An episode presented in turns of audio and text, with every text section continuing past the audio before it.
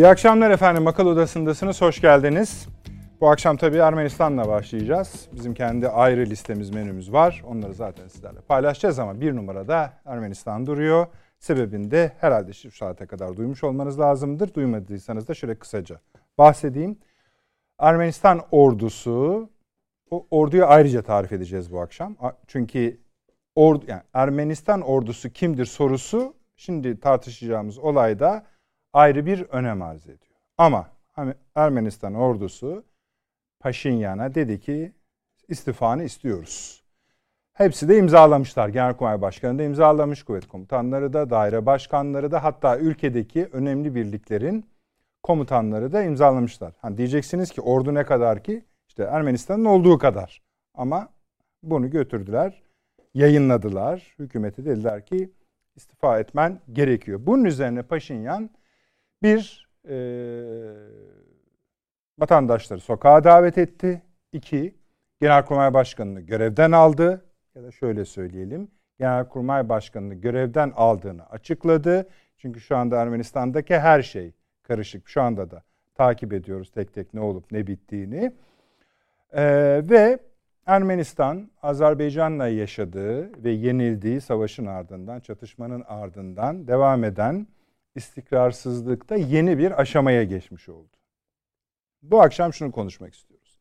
Ermenistan'da tabii ki yani artık Paşinyan durur, durmaz, bunu atlatır, atlatamaz, atlatırsa da ayrıca başarı o da önemli. Çünkü artık o bir lider değil, lider olsa bile muktedir değil, muktedir olsa bile eskiden bir tane ipe bağlıyken şimdi birden çok ipe bağlı olacak. Bu akşam ordusu ne demektir Ermenistan? Onu konuşacağız. Yani konu, gitmesini isteyen kim Paşinyan'ın? Çünkü buraya kadar gelinen noktada Paşinyan'ın elini ayağını kırmışlardı siyaseten. İstedikleri gibi sürüklüyorlardı. Şimdi bu değişiklik talebi, devinim ne anlama geliyor onu konuşacağız. Bütün bölge için. Ermenistan çok önemli değil. Ermenistan'ın yeni bir taş olarak oraya oturtulması demek başından beri Türkiye'nin, Rusya'nın, Azerbaycan'ın, belki İsrail'in, İran'ın ve bunun karşısında Fransa ve Amerika Birleşik Devletleri'nin bölgede ne olup ne olmamasına ilişkin arzularına bu bir ne diyelim Çin'den Londra'ya kadar giden yolun bir başka ayağının inşasına destek verip vermeyecekleriyle ilgili. Bu yüzden sadece Ermenistan'ı konuşmayacağız. Sınırında, çeperinde bulunan diğer ülkeleri konuşacağız. Hazar'ı konuşacağız. Türkiye'nin ya Türkiye Cumhuriyeti ile Kazakistan'la Türkmenistan'la biraz ilişkilerini konuşacağız. Nihayet bu işlere Rusya ne diyor onu konuşacağız. Neden Rusya ne diyor? Çünkü şöyle bir e, olay yaşandı Paşinyan üzerinden. Evvelsi gün e, sanırım Sarkisyan'dı yanlış söyleyeyim mi? Kendisine dedi ki bu dedi Azerbaycan'da savaşta İskender füzelerini neden kullanmadınız dedi. Yani Ruslardan aldıkları. O da dedi ki Paşinyan çalışmıyor ki dedi. Hiç, hiçbiri patlamadı. Sizin aldığınız füzelerin hiçbiri patlamadı dedi. Şimdi bu tabi Rusları da rahatsız etti. Nitekim e, Kremlin sözcüsüne, Dışişleri sözcüsüne düzeltiyorum efendim. Soruldu bu. Böyle dedi İskender füzeleri hakkında ne diyorsunuz? Bizim dedi silahlarımızın ne işe yarayıp yaramadığını gayet iyi biliyoruz. Ermenistan'daki durumu da kaygıyla, endişeyle izliyoruz. Bakalım ne olacak diye genel bir izah yaptı. Ama biliyoruz ki çok çok yakından takip ediyor Rusya. Rusya ile birlikte Türkiye. Bu akşam çalış konu, konumuz bu. İkinci konu efendim. Ee, biraz doğuya kayıyoruz bugün. Salı günü tam bizim sınırımız Yunanistan konuştuk, Akdeniz konuştuk. Esasen orada da müsaade ederseniz bir not arz etmek isterim şu sebepten dolayı. Salı günü Akdeniz, Kıbrıs ve ziyadesiyle Yunanistan, Dede Ağaç, Amerika üzerinden bir transatlantik ittifakı tarifi yapmıştık. Sonra bu konuda konuşanların tamamına yakınını yani ülkemizde izledik. Ee, hakikaten salı günkü programdan sonra bize gelen yorumlar, analizler e, başka da bir analize ihtiyaç olmadığını gösteriyor. Salı akşamında yapılan analizin bağlama yani konunun bağlanmış halinin bu böyledir söyleminin. E, bu bizi gururlandırdı doğrusu. Hakikaten de başka da bir şey söylenmeye gerek olmadı. Diğer konuşmalardan ortaya çıktı. Dediğim gibi doğuya kayıyoruz. Suudi Arabistan efendim. Neden Suudi Arabistan? Ulusal Amerika'nın Ulusal İstihbarat Ajansı. Bu bir camianın, istihbarat camiasının toplam ismi. Bunun içinde özellikle CIA'nin bir raporunun açıklanması bekleniyor. Ne o rapor? Cemal Kaşıkçı cinayetinde Suudi Arabistan'ın ve Veliaht Prens Salman'ın rolü. Amerikan medyası bunu bugünden itibaren çok yoğun bir şekilde işlemeye başladı. Bu raporun çok ciddi sonuçları olacağı söyleniyor. O kadar ki Veliaht Prensi fail olarak yani hani yönlendiren şu bu haberi vardı yoktu bir tarafa fail olarak göstereceği iddia ediliyor. Bir takım tamamı gizli belgeler bunlar yayınlanması şu ana kadar mümkün olmamıştı.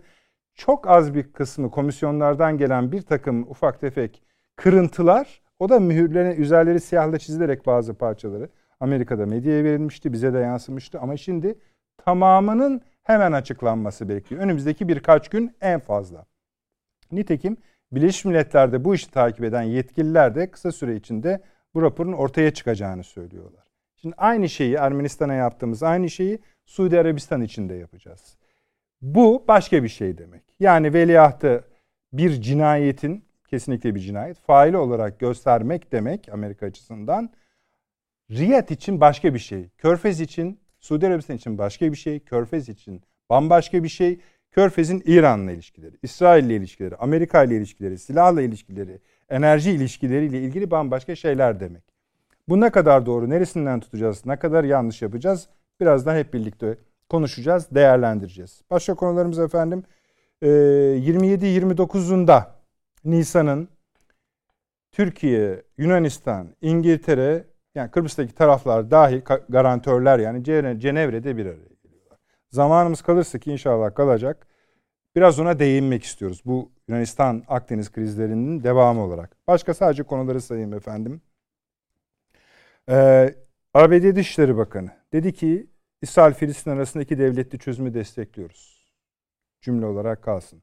Ukrayna efendim bir açıklama yaptı. Dedi ki herhalde buna değinmek lazımdır diye düşünüyorum. Karadeniz'de İngilizlerle birlikte iki donanma üssü kuruyoruz. Burada bir sessizlik olması gerekiyor. Bunu ayrıca konuşacağız. Efendim e, Yunanistan dedi aç yine zaman kalırsa, Suriye yine zaman kalırsa, Irak meselesi yine zaman kalırsa konuşacağız. İran nükleer meselesine de artık değinmek istiyoruz. İnşallah bu süremizin içine onu sığdırmaya gayret edeceğiz. Başka maddeler var. Onun çok üzerine gitmiyoruz artık. Ama şunu da söyleyelim efendim. E, de, değinmeden geçmeyelim. Bu Ermenistan olayından bahsederken Türk Dışişleri Türkiye bir açıklama yaptı Türk Dışişleri. Dedi ki darbe nerede olursa olsun karşıyız. Bu ilkesel bir duruştur. Türkiye'nin kalitesi de zaten bu. Ama şeyi de söyleyelim. E, Hocalı soykırımının 29. yılı. Burada da neler yaşandığını biliyoruz. Aynı tarihe denk geliyor. Yani bu olaylar bizim açıklamamız aynı tarihe denk geliyor. Hocalı soykırımını unutmadı. Katliam değil soykırımdır efendim. Oradaki vahşeti tekrar anımsıyoruz, hatırlıyoruz. Bu konular konuşurken zamanın da buna denk gelmiş olmasını önemsiyoruz. Siz de unutmayın istiyoruz. Sayın Avni Özgür hoş geldiniz. Hoş bulduk. Ee, herhalde yine Ermenistan'dan başlayacaksınız ama evet. öyle düşünüyorsunuz. Profesör Doktor Süleyman Seyfi Hocam hoş geldiniz. Hoş Ankara'ya da bir merhaba diyelim hemen.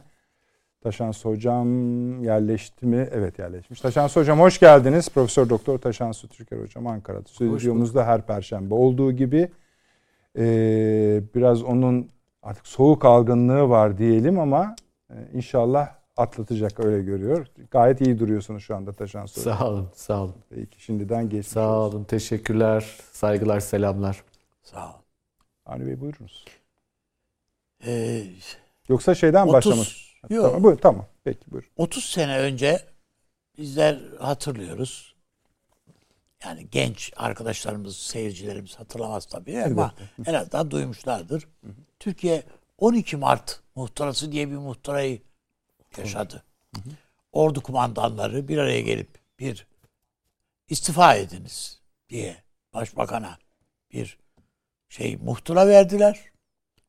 Efendim işte iç çatışmalar var. Beceri üstesinden gelemiyorsunuz filan diye ve seçilmiş hükümet veya sivil kadrolar istifa etmek zorunda kaldı. Veya da istifa ettiler. 12 Mart muhtırasıyı hatırlıyoruz. Bu Ermenistan'daki hadiseyi işittiğimde benim aklıma o geldi yani işte bunlar hep zaman içinde birbirini tekrar ediyor ki aynı değişik ülkelerde işte ordular hemen hemen böyle işte davranıyor. Bu da yine emir kumanda zinciri içinde bir muhtıra işte. O hakikaten yani şöyle yani tarifi o hakikaten muhtıra. Evet, Ta, yani e, Paşinyan da çıkıyor evet bu bir darbe girişimidir dediğinde haklı. Evet Ama öyle. şöyle yani. Ama şimdi bir de burada, bir vaka var orada. Yani, yani. O, orada e, tabii aradan geçen bunca zaman bütün dünyada sivil siyasetin elini güçlendirdi. Yani psikolojik olarak güçlendirdi. Toplum iletişim şeyi arttı bütün dünyada. İnsanların e, sosyal ilişkiler, efendim sosyal medya, haberleşme bunların hepsi yoğunlaştı. Onun için e, bu tür darbelerle veya buna benzer muhtıralarla sonuç almak e, askeri heyet cuntalarla cuntaların sonuç alması çok kolay değil artık. Bir hayli zorlaştı.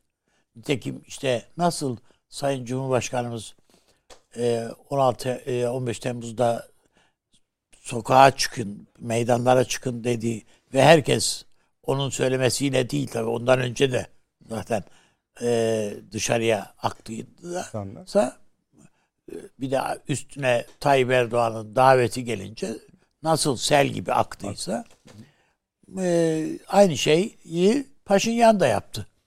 Çıktı ve arkamdan gelin dedi. Ben meclise yürüyorum dedi. Geldiler mi? Geldiler. Güzel. Ee, şimdi ve ordu ne yapacağını şaşırdı. Yani halbuki beklenen şu idi. Yani bu muhtırayı bütün ordu kumandanları imzalamışlar. Bütün e, askeri birlik komutanları imzalamışlar. Aşağı yukarı 40'a yakın evet. askeri birliğin komutanının imzasını taşıyor. Yani Ermenistan'da asker namına kim varsa basmış imzayı buna.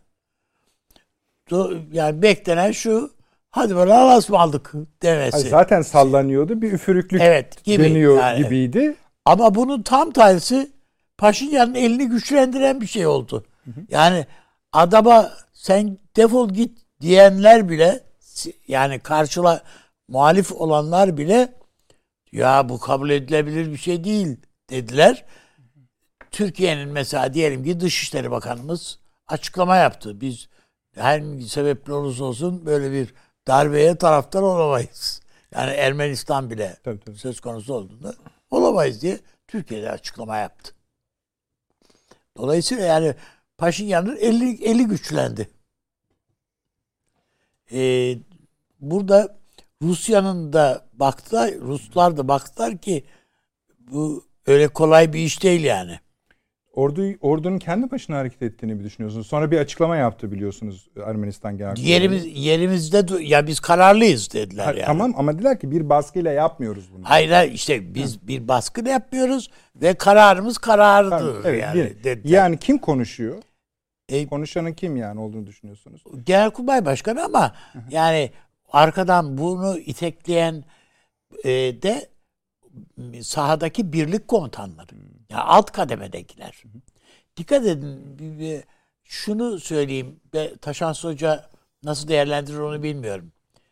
Bir söyleşisinde geçen hafta Putin'e dediler ki sizin rütbeniz ne? Hatırlıyor musunuz? Ee, Putin dedi ki albay dedi. Ya bunca senede siz general olamadınız mı dediler yani. Hayır dedi albay. Şimdi bu albay rütbesinin bir önemi var. Türk ordusunda da böyledir yani. Dikkat edin mesela Kaddafi albaydı. Yunanistan'da askeri darbeyi yapanlar albay albaylar cuntası diyoruz. Bunlar darbe yaparlar. Saddam'da işte efendim e, şeyde e, Esed'de e, efendim hepsi bunlar albay oldular. Hiç generalliğe terfi eden yok. General üniformasını Hafter, Hafter, Hafter giyiyor ama yani o da, aşağısı yok. O yani. da bir şey söylemiyor. Ben generalim falan demiyor neyse yani. yani. Ama albaylık çok önemlidir. Bu onun için Putin burada albay diyor. Onun altın çizmesi. Ee, sebebi şu. orduda, silahlı kuvvetlerde e, askerle, eratla yüz yüze olan en yüksek rütbeli komutan albaydır. General olduğunuz anda sizin altınızda albay var, binbaşı var, yüzbaşı var filan. Yani kıtaya gitmeniz artık sonraki iş. Yani o başka kademelere atlayacaksınız. Ama dikkat edin darbe yelten yani Tahtay Demir'de albaydı. Yani darbeye yeltendiğinizde de de albaylar oluyor zaten. Onun için bu şeyin ben alt kademede doğrudan doğruya askerin nabzını tutan alt rütbedeki subaylar. Hı hı. Dikkat edin Türkiye'de de kimi darbe hevesleri böyle geçmişte tabii bunlar bugün için değil de geçmişte e, şeyler ge, orduda gençler rahatsız falan diye böyle ya genç subaylar rahatsız diye yazılar çıktı hep Türkiye'de de. Genç subaylar kimler? Yani paşalar niye rahatsız değil de genç subaylar rahatsız? İşte o onları yatıştırmak için yukarıdan bir takım şeyler var. Nitekim Türkiye'de 19 yani inşallah günün birinde yazılır. Bu 1960-70 arasında bu genç e, subayları yatıştırmak için ordunun en üst kademesindeki e, şeyler, e, komutanlar ne tavizler verdiler. İnanılamayacak tavizler verdiler. Albayların peşinden koşmaya başladılar. Ben seni destekliyorum diye. Onun için yani e, bu albay meselesi önemli. Peki. Ben ee, Ermeni Ermenistan'da çünkü yenilgiye bir fatura lazım yani. Başarısızlığa bir fatura yani bir fatura çıkacak ordunun komutanı kendi paçasını kurtarmanın derdinde. Bundan. Bu şunlar da söylendi bugün. Mesela e, savaştaki kayıpların bir bölümü daha yeni ortaya çıkıyor. E tabii dendi. Yani insan kayıplarının.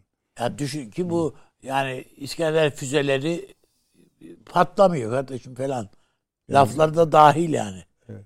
Bunlar hiç e, yani diyor ki ordu sen bize bir takım silahlar verdin.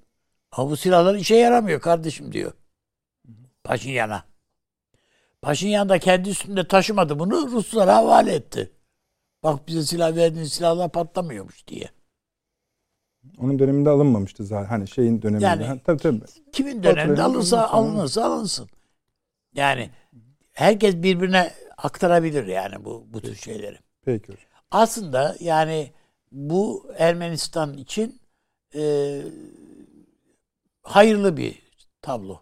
Çünkü evet. önümüzdeki dönem e, biz bir nihayetinde bir barış süreci bir şey olacak yani Arzu orada. ediyor yani. Yani eğer başka birisi gelse bu sefer tekrar bir şey e, hırçınlık yapmaya kalkabilir. Anımsayacaksınız yani bir 10 gün kadar önce Ermenistan Dışişleri belki de bir hafta olmuştur. Dışişleri Bakanı Türkiye için artık hani sınırlarımızda bir sorun olması için sebep kalmadı denilirken.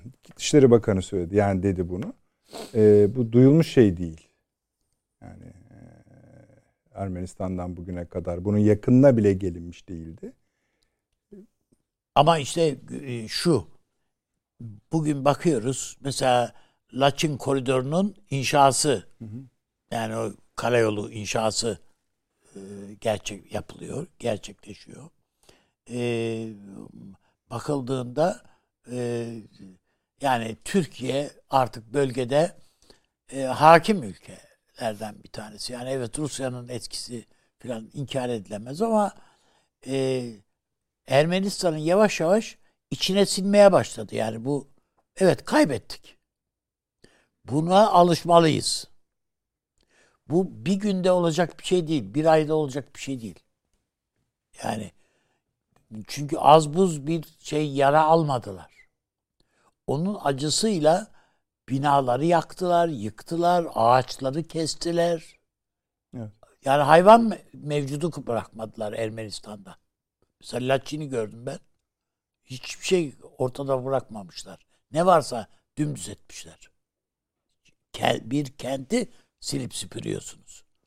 Onun için e, ben bütün bu tabloları biz nasıl görüyorsak işte Ermenistan, Ermeni halkı da görüyor yani orada da e, yani e, bunların bunları bir onaracağız. Yani bu savaş tazminatı ödüyoruz, ödüyor bir de. Az buz değil biliyorsunuz taksitlendirilmesini rica ettiler. Tazminatın. Çünkü evet. Ermenistan'da para yok o kadar yani. Peki. Teşekkür ederim Süleyman Hocam. Ee, Valla tabii ilginç bir yerden yaklaştı Avni Özgürel. Bu e, önce darbeler açısından bir bakmakta fayda var. Darbelerin bir kere iki ayağı var. Tek ayaklı darbe ben bugüne kadar görmedim. Yani bu modern dünyayı kastediyorum. Ee, bir ayağı dış ayaktır, bir ayağı da iç ayaktır. Yani iki şeyin fizibilitesi üzerine düşünmek lazım darbeleri. Bir, dışarıdan kimden destek alıyor? Yani dışarıdan destek almayan, kışkırtılmayan veya planlanmayan bir darbe mesela Türkiye için görmedim. Yoktu zaten. Yoktur. Ee, işte geçenlerde konuştuk. Myanmar'da bir darbe oldu. E, dedik ki arkasında Çin var. Yani belli değil mi? Ee, ikinci ayağı ise içerideki ayak. Yani mevcut seçilmiş olabilir. Az seçilmiş olabilir, çok seçilmiş olabilir bilmiyorum. Neyse. Yani sonuçta sivil bir hükümetin kamuoyunda yarattığı memnuniyetsizliklerin bir manada işba noktasına gelmiş olması. Ama o işba noktası belirsizdir.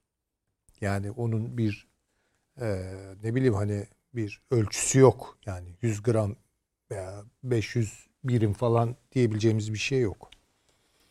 E, diğeri dış ayak daha belirlidir. Dolayısıyla her darbe yapan açısından bir risktir yani. Bunu görelim. Yani evdeki hesaplar çarşıya uymayabilir. Uyabilir de. Mesela 12 Eylül'ü ben düşündüğüm zaman iç kamuoyu bırakın iktidardaki A partisi, B partisi külliyen siyasi sisteme karşı güvenini kaybetmişti. Bütün partilere güvenini kaybetmişti. E dışarıdan da işte Amerika Birleşik Devletleri, NATO çevreleri bu e, ortamı bir anlamda darbe için elverişli bir ortam olarak e, generallerin önüne koydular. Bizimkiler de bu doğrultuda hareket ettiler. Yani generallere sorsanız vallahi biz işte vatan aşkıyla, millet aşkıyla bu işi yapıyoruz derler ama tabii ki tablonun olmadığı bir süre sonra ortaya çıkar. Ee, Şimdi Ermenistan'daki meseleye de böyle bakmak lazım. Darbe faslını bitirdiyseniz bir, bir şey sormak Buyurun. istiyorum.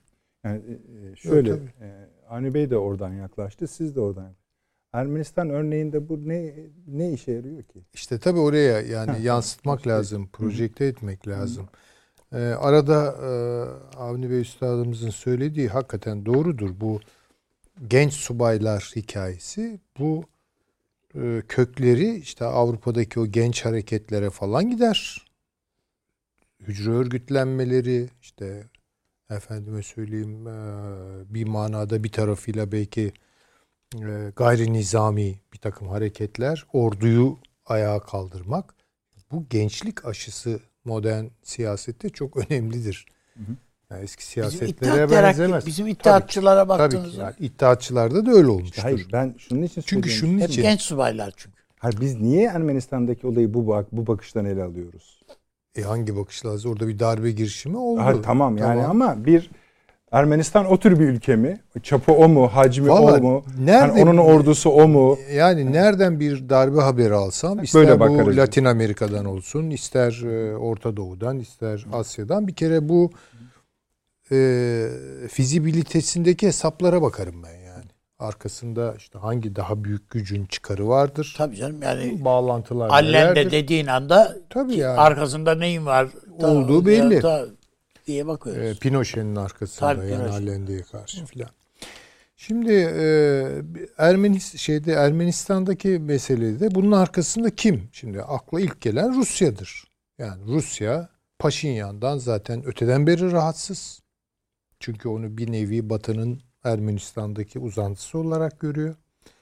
Ee, üstelik Karabağ Savaşı'nı e, kaybetmiş bir Ermeni ordusu var. Ee, üstelik bu işin birinci derecede sorumlusu olarak Paşinyan gözüküyor. Yani öyle veya değil. Neyse. Ee, dolayısıyla e ordu diyorsunuz. E ordu Rusya'ya bağlı. Yani büyük ölçüde. E, dolayısıyla bunun arkasında Rusya vardır diyebiliyoruz. Ama bence burada bir durmak lazım. Yani şurada Duralım. durmak lazım. Ee, olabilir e, dedirten şeyler var ama acaba dedirten başka şeyler de var. Acaba dedirten şeyler şu. Yani böyle bir darbeyi Rusya Ermenistan'ı tam kontrolü altına almak için yaptırabilir mi? Evet yaptırabilir ama orada Zaten şu- sağlayacağı bir Şu yenilgiden sonra zaten tam kontrolünü almıştı. onu söyleyecektim. yani ne gereği var yani? Hiçbir gereği ama yok. Hazır Hani şöyle tarif etmiştiniz siz hani şeyi Evet. sö- öldürene sürüttürürler Evet, diye. öyle. Hı, tamam. Tamam yani, e, Yani sonuçta buna Rusya'nın çok acil şey bir yok. ihtiyacı yok. Yani mesela şu olsaydı belki daha anlamlı olurdu. Biraz mefhumu muhalifinden falan gidelim yani. Ya da kontrast ihtimali üzerinden gidelim. Hani aklımıza bile getirmek istemiyoruz ama mesela diyelim ki Karabağ meselesinde Azerbaycan ordusu perişan olup geri çekilseydi. Bu Paşinyan'ın zaferi olarak sicile geçecek miydi Ermenistan tarihinde? Geçecekti. Evet. Bu Paşinyan'ı çok güçlendirecek miydi? Evet güçlendirecekti. Bu aynı zamanda ne anlama geliyordu? Kafkaslardaki Batı etkisinin güçlenmesi, özellikle de Amerikan etkisinin güçlenmesi anlamına gelirdi. İşte o zaman o şartlarda e, bir darbe yaptırmış olsaydı ya da böyle bir tablo çıksaydı karşına Rusya tabii derdik yani Rusya orayı bırakmak istemiyor. Ama kolu kanadı kırılmış bir Paşinyan var. Kolu kanadı kırılmış bir Paşinyan var. Şey, Ve Ermenistan o zaman so- araya gireceğim mecbur. Evet. Kendi Bey dedi ya Paşinyan'ın elini güçlendirdi. Öyle mi düşünüyorsunuz o zaman? Yoksa siz öyle düşünmüyorsunuz. yani zaten kolu kanadı kırılmış olan bir Paşinyan'ı ayakta tutacak bir sonuç veriyor. Yani zaten Rusya- ne ya tentür sürseniz de işine yarar E, diyorsunuz. yani tabii ki yani sonuçta bir pansuman tedavisi bile bazen Adam- her kurtarır. Allah'ın günü bir sabah bir akşam e, adamın aleyhine Facebook'tan miting yapılıyordu ya. Tabii tabii ama şu an ne oldu? İçerideki sahiklere baktığınız zaman yani normalde Paşinyan'dan nefret eden insanlar bile ya bir dakika ne oluyor ya deyip çünkü Yani indirirsek biz indiririz. yani tabii seçim olur kaybeder Paşinyan mesela yani. Yani Ya anlıyorum. 12 Mart'ta bizim elimizin altında Twitter olsaydı ne olurdu mesela? Ee, Süleyman Hocam 12 dur Mart'ta- düşüneyim. yani biraz tabii bilemiyorum. 12 Mart'ta ne olurdu? Ee, Hocam Yani- oraya gitmeyelim. evet biraz artık Hayır spekülatif en azından şeyler. yani Anladım ortalık demek. karışık olur yani. Tabii canım. Evet. Ee, şimdi dediğim gibi bu hareketi ben e, normal olarak her darbeye baktığım zaman işte dış ayak, iç ayak üzerinden e, yokladığım zaman boşa düşen şeyler var. Çünkü askeri darbelerin bir de maceracı olanları vardır. Hiçbir yere dayanmayan. Anlatabiliyor muyum? Ve genellikle zaten fiyasko ile biterler. Örnek.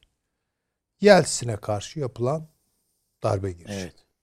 Evet. Tam bir fiyaskoydu. Tam bir rezaletti. İspanya'da Franco öldükten sonra falancistlerin Tabii. bir darbe girişim var. Orada da albaylar malbaylar bir şeyler vardı. Fiyaskoyla bitti. Meclisi bastılar ya hocam. Bastı ya albay. Ha. Bir tanesi. Evet. Bu bir bence darbe refleksi. Yani arkasında bir düşünce yok. Çünkü reflekslerin arkasında düşünce yoktur. Yani değil mi? Bilinçli Evet. bir hareket değildir refleks. Ama bir refleks hareketi. Ha, bu refleksi harekete geçiren nedir? Bana kalırsa ordunun içindeki bir takım belki Paşinyan döneminde hele hele bu mağlubiyetten sonra bir takım e, ne diyelim ona kirli rant ağları falan ortaya çıkabilecek bir grup vardıysa İşte bu, bu son derece önemli hocam. Evet. Ermenistan bir uyuşturucu ticareti ülkesi. Tabii. Bir de yani Ve ordunun bunu ordu yapıyordu bu işi. bizzat bu ordu işi. yapıyor. Ordu o kadar böyle pis işlere girmiş vaziyette ki yani tabii bir çıkar kaybına Ama yerimde uğradıkları duruyorum diyor. Ha? Yerimde ordu. Yerinde istediği duruyorum. kadar de, dursun. İstediği kadar dursun. Canım. Dursun. Bir şey ifade etmiyor. Ya bir kere şu çıktı ortaya. Bu darbeyi yani bu ultimatom üzerinden bu darbeyi hayata geçirmeye kalkarlarsa Ermenistan'da İç savaş çıkar. Bu çok açık. E zaten bunların nüfusu belli. Ben de yani işte Ya, ha işte demek istediğim o. Yani burada dediğim gibi üçüncü örüntü ya da üçüncü ayak pek darbelerde bu olmayabilir ama zaman zaman vardır. Yani verdiğim iki örnek de bununla ilgiliydi. Böyle parlamento basarlar, bir şeyler yaparlar. Bu Gürcistan'da da oldu biliyorsunuz örnekleri falan. Arkadan bir şey uçar. efendim Sandalyeler şeyler havada. Ha tabii bu, bu böyle böyle olmaz yani. Bu istediği kadar yukarıdan aşağı emir komuta zinciri içinde gözükse de ki eğer işin başında Genelkurmay Başkanı varsa en pislerin içinde pis işlerin içinde de o var demektir zaten. Hiç önemli değil. Yani dolayısıyla karşılığını bir kere içeride bulamayacak. Bence dışarıda da karşılığı yok. Çünkü şu an Amerika niye bunu mesela haline tabii, getirsin? Yani ne elde edecek ki buradan yani? Paşinyan zaten bunlara yakın bir adam. Onu mu harcatacak yani? E Rusya niye durduk yerde şimdi burada e, Ermenistan'da kendi sicilini darbeleri arkadan e, hazırlayan e, ne bileyim işte e, hayata geçiren bir büyük güç olarak muamele. Yani durduk yerde sicilini niye bir kat daha bozsun ki? Zaten pek iyi bir sicili yok. Çok gereksiz bir şey. Bence tamamen avantüristtir bunlar. Yani maceracıdırlar. Ee, ve bir tür böyle işte ne bileyim savaş lordlarının kafasıyla yani veya o savaş lordlarının uzantısında yürütülen pis işlerin rant üzerine e, buradan hareketle yapılmış bir şey. Bir anlamda da kendi tabii şeylerini bozulmuş prestijlerini de düzeltmek. Ya biz suçlu değildik yani biz aslında yenerdik onları ama işte bu Paşinyan yüzünden ordu bu hale geldi Tabii, tabii, o falan gibi. Evet. Tamam ama yani bu dediğim gibi Yani e, gerçekten, evet. işte bu bu hareketi yani bu avantürist bu maceracı hareketi e, bence e, daha baştan başarısız kılıyor. Eğer zaten e, böyle bir darbe başarılı olursa diyelim ki yani e, kontrolü ele aldılar yaşayamazlar. Yani bu, Ama sanki hani darbeyi yani genelkurmayın iktidarı ben ele alayım diye bir şey hissettik mi biz? Hayır Sen şöyle git bir şey. diyor. Ama sen git diyor da şu sen onun için diyor 12 yani. Mart örneğini verdim. E tabii kendine 12 uygun bir Mart'ta da hükümet öyle oldu. kurduracak orada yani. E, 12 Mart'ta Ama da ben de ordu gelmedi iktidara. Kıymetli çok hocam, güzel bir şu örnek. esasında yani sürüklemek istediğim şu yani zorlamak istediğim şey. Bugünden baktığımızda biraz daha belirgin gözüküyor ki Azerbaycan-Ermenistan savaşı iki tane sonuca neden oldu. Yani kazanmaktan. Birincisi bölgedeki bir istikrarlı yapı kurma arzusunda olan ülkeler varmış gibi gözüktü. Bunlar Rusya, Azerbaycan, Türkiye hepsi olabilirler. Birlikte de olabilirler. Burayı biraz Ermenistan'ın burada tek bozuk plak olduğundan hareketle geniş bir alanı hem batıdan biraz daha arındırma. iki salı günü konuştuğumuz üzere doğudan başlayarak oraya geçe, batıdan başlayarak oraya gelecek bir hareketin başladı çünkü. Önünü kesme, nihayetinde de yeni bir hat kurma gibi gözüküyordu. Sonuçta siz de söylediniz ki Paşinyan şimdi rahatlıkla sür, sürüklenebilir biriydi bu işleri yaptırmak konusunda. Peki o zaman şimdi bu ortaya çıkan hangisi? Paşinyan'ı daha güçlendirme hareketi mi? Öyle mi anlayacağız? Yani, Paşinyan'ı ayakta tutma. peki. Ya o zaman Paşinyan şunu o kadar söyleyeceğim. ki Paşinyan'ı me- güçlendirme barış değil. anlaşmasını meclise getiremedi adam ya tabii. korkusundan. Şimdi rahat rahat getirir. Ha, şimdi yani? bu plana uygun bir şekilde bu güce sahip olsun diyedir mi deniyor diyorsun? Yani ayakta tutmak istiyor bence. Tamam, Rusya da onu ayakta tutmak istiyor şu an. Yani çok bayıldığından. kendi taraf olduğu anlaşma hocam barış anlaşması. Elbette. Rusya'nın Tabii ki. Yani, yani onu Paşinyan, Ermenistan'a kabul e, ettirecek. Paşinyan bundan sonra iktidara ilk geldiği günlerdeki gibi vaatlerde falan bulunamaz. Yani kamuoyunu işte rahatlatacak veya bir şeyleri hayal ettirecek falan Yok değil. Ama en azından seçimlere kadar belli bir e, istikrarda yani adına ne kadar istikrar diyebiliriz ama olağan dışılık olmadan en azından e, şeyde ayakta tutulacak. Bu bakın Türkiye'nin de değil mi aklı selim sahibi bir dış politika üzerine söylediği bu. Ya bu ne oluyor ya darbe yani. Şimdi ne gerek var? Paşinyan'a çok mu bayılıyoruz yani değil mi? Veya Rusya için de böyledir. Bence farklı değildir. Evet. Ama Amerika Birleşik Devletleri'nde bu konuda özel bir yatırım olduğunu hiç zannetmiyorum. Paşinyan'ın devri zaten, sorayım. zaten olamaz. Genelkurmay'ın hareketinde yani Ermenistan Genelkurmay'ın hareketinde Batı görüyor musunuz? Hayır ben Yok görmüyorum. efendim olmaz yani. Artık orada Batı etkisi falan kırıldı. Yani Paşinyan'ın kolu kanadı kırıldı derken zaten yani bir sonucu aşağı da... yukarı söylediğimiz o. Zaten Batı Paşinyan'a ihanet etti canım esasında. Zaten o, Adam o ortalıkta bıraktılar. Yani Paşinyan'ın işi bitti de. Yani ama şu Burada an, yapılacak işler için. Çünkü bu avantüristlere de bırakmayacaklar yani ortalığı. Onlar bir takat bu bundan sonra tahmin ediyorum şu gelecek. Daha e, şumullü bir ordu içi yeniden yapılanmaya gidebilirler. Yani bir takım kadrolar tasfiye edilebilir, bir takım dosyalar açılabilir vesaire. Yani Ermenistan'ı biraz daha eli ayağı düzgün tutmak gibi bir şeye yarayabilir bu. Ama dediğim gibi Ermenistan'ı kurtarmıyor. Çünkü Ermenistan'ı gerçekten düzlüğe çıkaracak çok büyük tortuları aşması gerekiyor. Bu soykırım iddiaları, diaspora ile ilişkileri vesaire bütün bunları gözden geçirecek.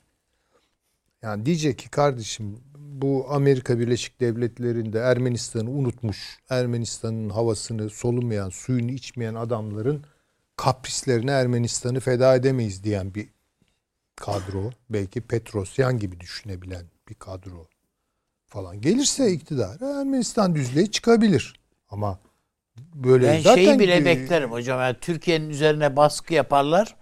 Türkiye Ermenistan hududunu bir hudut kapısını mesela açabilir.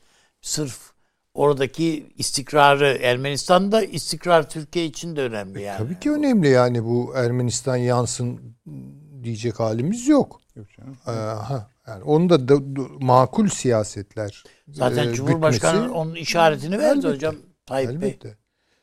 Yani dolayısıyla ben bunu dediğim gibi e, Hayır, Türkiye birden yani bütün ağızlarından söyledi. Yani Dışişleri Bakanı'nın söyledi, Cumhurbaşkanı'nın söyledi. Yani gelin siz de katılın bu, bu işe yani. Tabii. Ve tabii, o iş tabii, katılın tabii, denilen canım. iş öyle tabii, tabii. ufak tefek bir iş değil. Tabii tabii. Bütün bölgeyi kapsayan. Yani Paşinyan kalmayacak tabii. Yani Ermenistan kendi içinden bu iklime Tabii. uygun yeni bir lider, yeni bir parti, kadro falan çıkarabilirse meseleler biraz daha e, ne bileyim e, hafif e, bir şekilde seyreder ama bunu azdırmak yani bu bütün bu kumarlar bunlar biraz siyasal kumar benim gördüğüm kadarıyla e, bu evet. bence e, Biraz yani öyle. üzerinde çok durulmayacak bundan sonra unutulacak bir hadiseye dönüşecektir. Benim Biraz önce yani bir saat kadar önce e, Paşinyan Putin'i aradı. Tabii. Putin'le görüştüler. Ee, sonra bu duyuruldu şeyden, Kremlin'den. Böyle bir görüşme gerçekleşti. Rusya Devlet Başkanı ile Ermenistan Başbakanı arasında diye. Ee, durumu değerlendirmişler Ermenistan'daki. Resmi açıklama şu. Rusya Devlet Başkanı ayrıca tüm tarafları itidale çağırdı.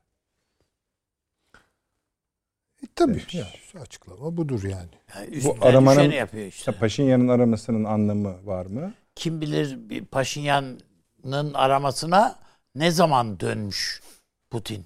Bir de ararsın çıkmaz lazım. telefona. Bu gece bir şey bekliyor musunuz? Yani dediğim gibi şimdi o tarafını bilemem. Çirkinleşebilir mi Çirkinleşebilir yani? tabii yani. Hı-hı. ihtimallerden biridir. Hı-hı. Ama yar olmaz. Yani şu an darbeciler kaybettiklerini... Artık bir şey söylemesi gerekiyor Putin'e ki herhalde anladığımız o. Yani tamam tamam mı dedi. Öyle Nasıl mi? tamam dedi? Yani bir şey mi istiyordu acaba Rusya yani? Daha hızlı mı? Yok hiçbir şey. Ben daha ne isteyecek ya? E peki. Yani Bakalım, adamın burnuna kancayı takmışsın. Adam geliyor işte daha ne isteyeceksin bundan sonrası ayıp bir şey olur. Ayıp bir şey olur. Evet yani o- o, öyle şeyler artık akla gelir. Var mı O diplomasi? da olmaz yani. Peki. Ben e, daha Rusya'nın işine gelebilecek bir Paşinyan düşünmüyorum yani. En iyi, en Bence çok şeyi bu. Şu an istediği Peki. gibi kullanır. Taşansı hocam buraya kadar getirdik. Buradan sonrasını da size emanet edelim. Bakalım siz nereye kadar sürükleyeceksiniz Ermenistan'ı. Buyurunuz. Estağfurullah. Ee, ya bugün tesadüfen 1965 yılında e, bir Türk Siyasal Partisi'nin seçim bildirgesine denk geldim. Çok da şaşırdım. Partinin adını vermeyeyim şimdi ama 1965 yılında diyor ki bir Latin Amerika Araştırma Merkezi'ne ihtiyacımız var.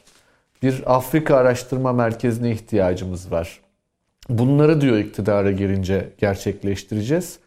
Yıl 2021 ama hani bizim en yakın komşularımıza dair bile e, iç oranın iç siyasetlerine dair ne yazık ki doğru çalışan e, bir akademiyamız en azından yeterli düzeyde yok. Birinci tespit olarak bunu söyleyeyim. Yani e, Ermenistan iç siyasetini anlayıp analiz etmek ve hatta başkalarının yaptığı gibi e, bırakın analiz etmeyi, yönlendirmek, e, orayı yönetmek, bir şekilde dizayn etmek konusunda ne yazık ki sıkıntılarımız var Türkiye'nin. İlk aklıma gelen husus budur. Şimdi ikincisi bence önemli bir nokta. Bu Ermenistan sınırında biliyorsunuz bir tane nükleer tesis Evet var. evet. E, enerji Avrupa ona biraz söylenmeye başladı. Yani ve vallahi çok söylenseler iyidir. Yani şu an bir kargaşa durumunda o nükleer santralin güvenliği Türkiye açısından ziyadesiyle önemli. Hani biz Türkiye olarak Çernobil'i yaşadık ki Çernobil çok çok uzaktı Türkiye'ye biliyorsunuz. Tabii. Ee, Bu- arada Karadeniz dibinde vardı. Arada neredeyse Ukrayna'nın tamamı vardı. Ee, bu bizim sınırımızda. Yani ben yanlış bilmiyorsam eğer sınırdan Tabii, 20 tabii. kilometre kadar Öyle, bir öyle. mesafede olsa 40 gerek. kilometre hocam. Ee, Öyle diyorlar. 40 doğru. Evet. Şimdi dolayısıyla e, dolayısıyla bu Türkiye açısından e, önemli bir gündem maddesi olmak durumundadır. Yani Türkiye'nin güvenliği açısından önemlidir. Oradaki olası bir karışıklık durumunda sizin tabirinizle biraz önce stüdyoda söylediğiniz gibi işlerin çirkinleşme ihtimali karşısında e, hani bu e, mutlaka gündemde tutulması gereken bir nokta diye düşünüyorum. Şimdi ne oluyor ne bitiyoryu anlamak için e, yani bir hem etrafına bakmak lazım hem bir tarihsel sürece de bakmak gerekiyor. E, Şimdi Ermenistan'da Paşinyan iktidarı aslında e, Rusya açısından ilk başta bir e, kadife devrim gibi, renkli devrim gibi bir şeydi. Yani nasıl işte Gürcistan'da Saakashvili vardı, nasıl Ukrayna'da turuncu devrim oldu. Saakashvili de Rusya tarafından öyle algılanmıştı. E, Dolayısıyla hani Saakashvili'nin Rusya ile olan ilişkileri e, baştan bir sıkıntılı ilişkiler. Ve Saakashvili de e, şey bir adam değil, e, gizli ajandası olan, derdini uzun vadeye yayacak bir kurmay aklı olan bir siyasetçi değil. Ermenistan küçük bir ülke, sıkıntılı bir ülke. O ülkenin çıkarabildiği bir siyasetçi. Yani böyle ağzıyla aklı arasında çok da bir mesafe yok.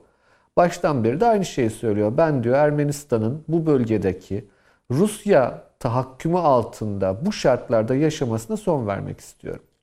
Bir şekilde diyor ben e, Ermenistan'ın kapılarını açmak istiyorum. Ermenistan'ı çağa yakalayan bir ülke haline getirmek istiyorum vesaire. Onun kullandığı cümleler bunlardı. Bunlar e, takdir edeceğiniz üzere Rusya tarafında hani hiç hoş karşılanılacak cümleler değil. Şimdi Ermenistan içine de baktığımızda e, bu kim batıcıdır, kim Rusyacıdır, kim liberaldir, kim muhafazakardır, efendim kim pi- e, piyasa ekonomisi taraftardır, kim e, sosyalisttir vesaire tartışmalarında önemli bir nokta yani bir genel geçer bilgi olarak söylemekte fayda bulurum. E, farklı yaklaşımlar farklı şekillerde artiküle olabilir siyasette.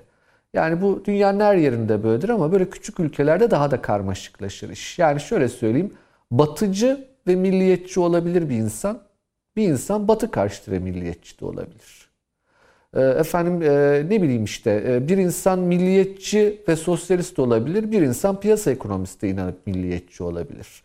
Ya da bu bunların hepsini farklı e, matrixler şeklinde düşünebiliriz. Şimdi bu coğrafyaya baktığımızda ise bütün bu genel siyasal terminolojide kullandığımız ayrışmaların yanında bir de bir ayrım var. Batı ve Rusya ayrımı. Yani siz e, milliyetçi bir Ermeni de olabilirsiniz. Ama batıcı olabilirsiniz veya Rusya taraftarı olabilirsiniz. Liberal olabilirsiniz, batıcı olabilirsiniz, Rusya taraftarı olabilirsiniz gibi. Şimdi bunu mesela en son Navalny olayında gördük.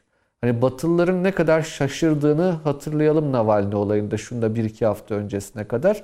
Ee, Navalny işte Putin'e karşı olduğu için batıcı olduğu varsayılıyordu. Ve öyle değildi. Öyle değildi yani. Ee, ve hani bu karmaşa e, önemli bir karmaşadır diye e, düşünüyorum. Şimdi burada baktığımızda e, elimizde Paşinyan var. Paşinyan batıcı. Bu elde var bir. Peki Rusya ordu, e, Ermenistan ordusu acaba bir bütün müdür? Acaba tamamen Rusya kontrolü altında mıdır gerçekten? Pek öyle olmadığını düşünüyorum ben.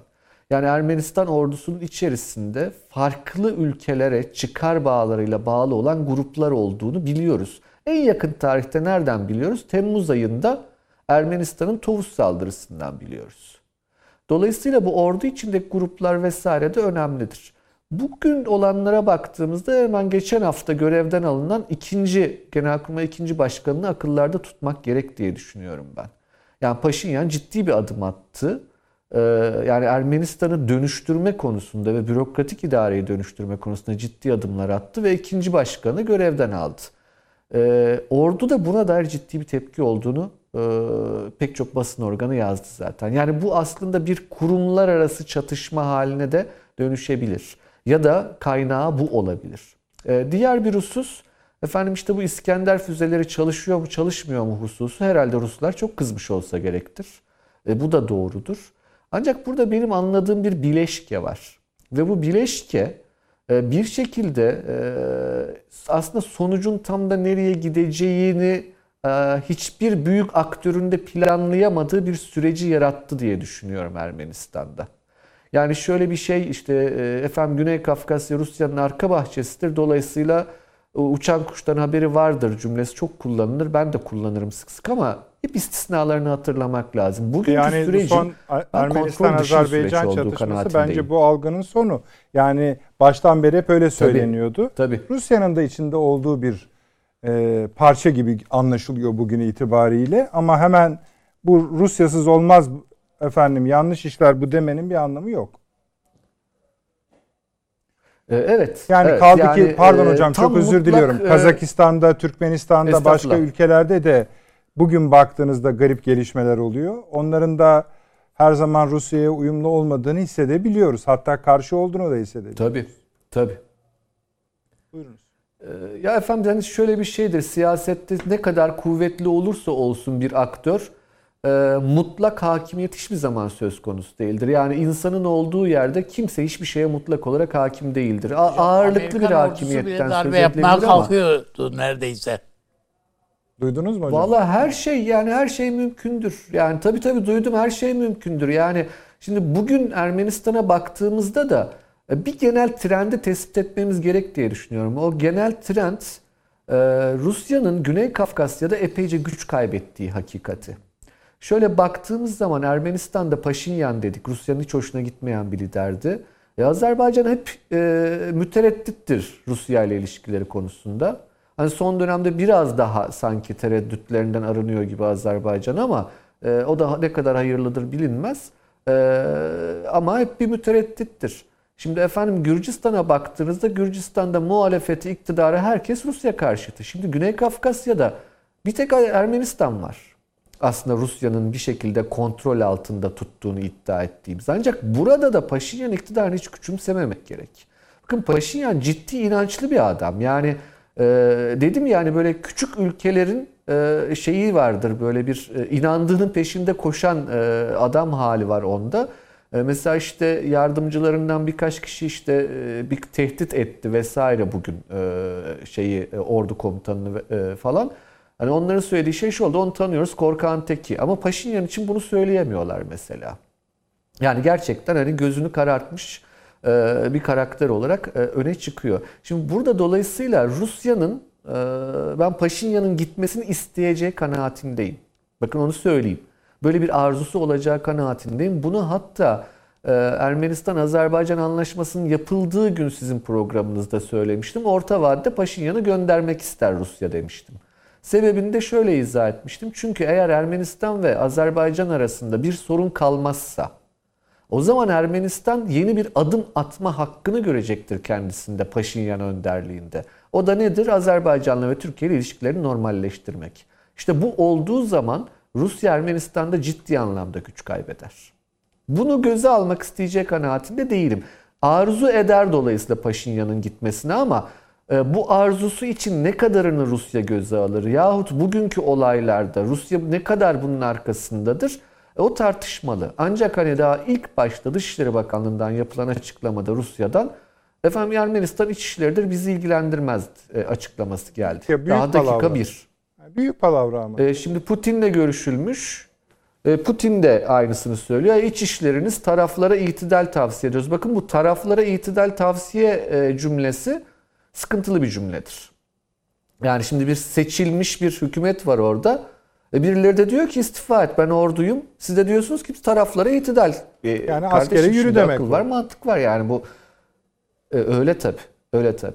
Ha bunun ne kadar arkasındaydı? Bunun or- organize edeni o mudur bilmem ama e, süreci onların da takip ettiği kanaatteyim. Ben işin kontrol dışı olduğu kanaatindeyim Ermenistan'da. Şimdi olası sonuçlarına gelecek olursak efendim Paşinyan dediğim gibi bir şekilde Azerbaycan'la ve Ermenis e, Türkiye ile Ermenistan'ın ilişkilerini normalleştirmek isteyecektir.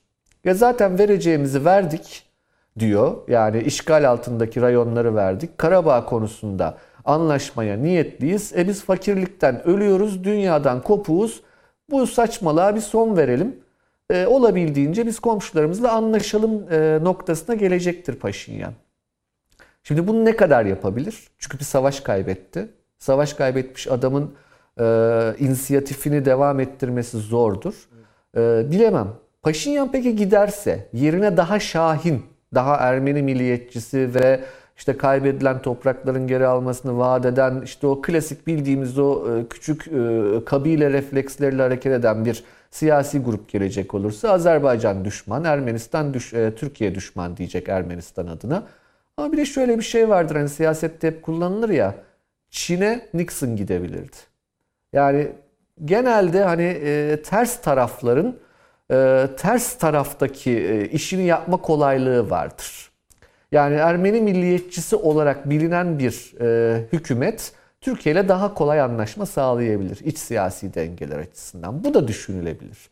Ancak bu genel sürece bir baktığımızda ben hani çok uzattım hemen sonlandıracağım. Buyurun. Bir Kafkasya ne demek bu noktada?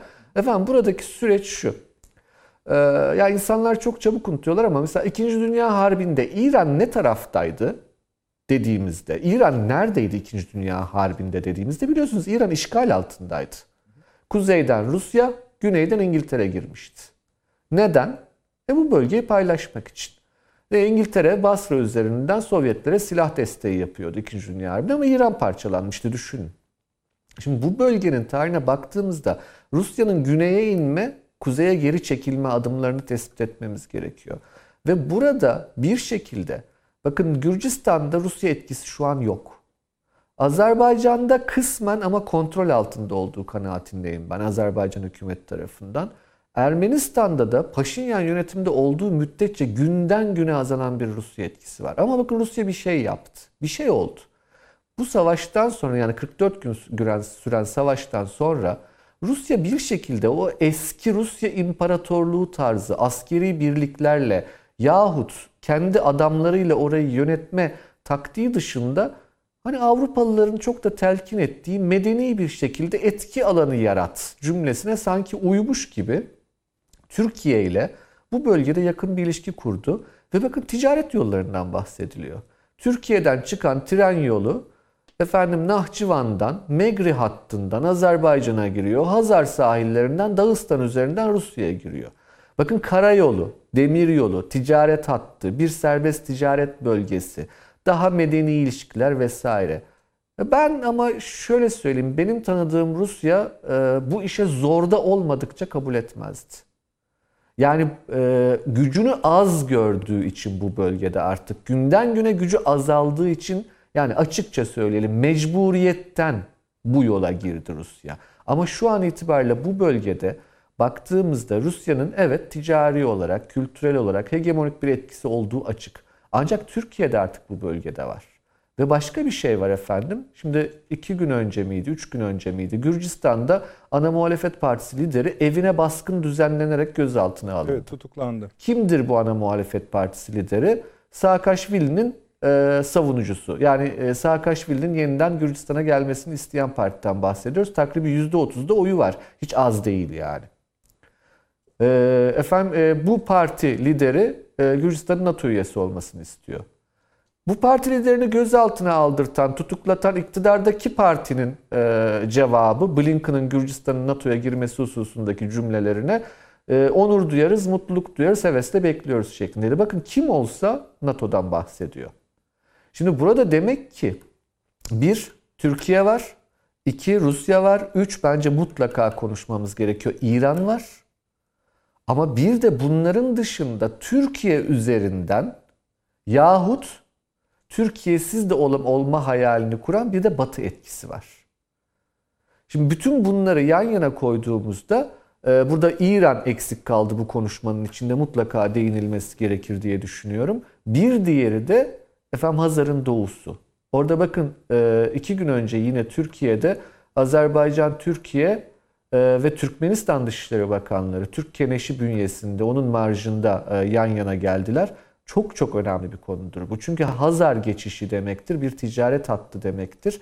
E, buna Özbekistan'ın ve Kazakistan'ın da ekleneceğini düşünecek olursanız Pakistan'la birleşen dolayısıyla Hint denizine inen bir şeyden bahsediyoruz. Çin'e kadar ulaşan bir e, bölgeden bahsediyoruz. Yani bunu devamlı tekrar ediyorum. E, bu Turan hattıdır. Türkistan hattıdır. Çok önemli bir ticari hattır bu. Ee, ve bu hattın içerisinde bu Kafkasya bölgesi ziyadesiyle önemli.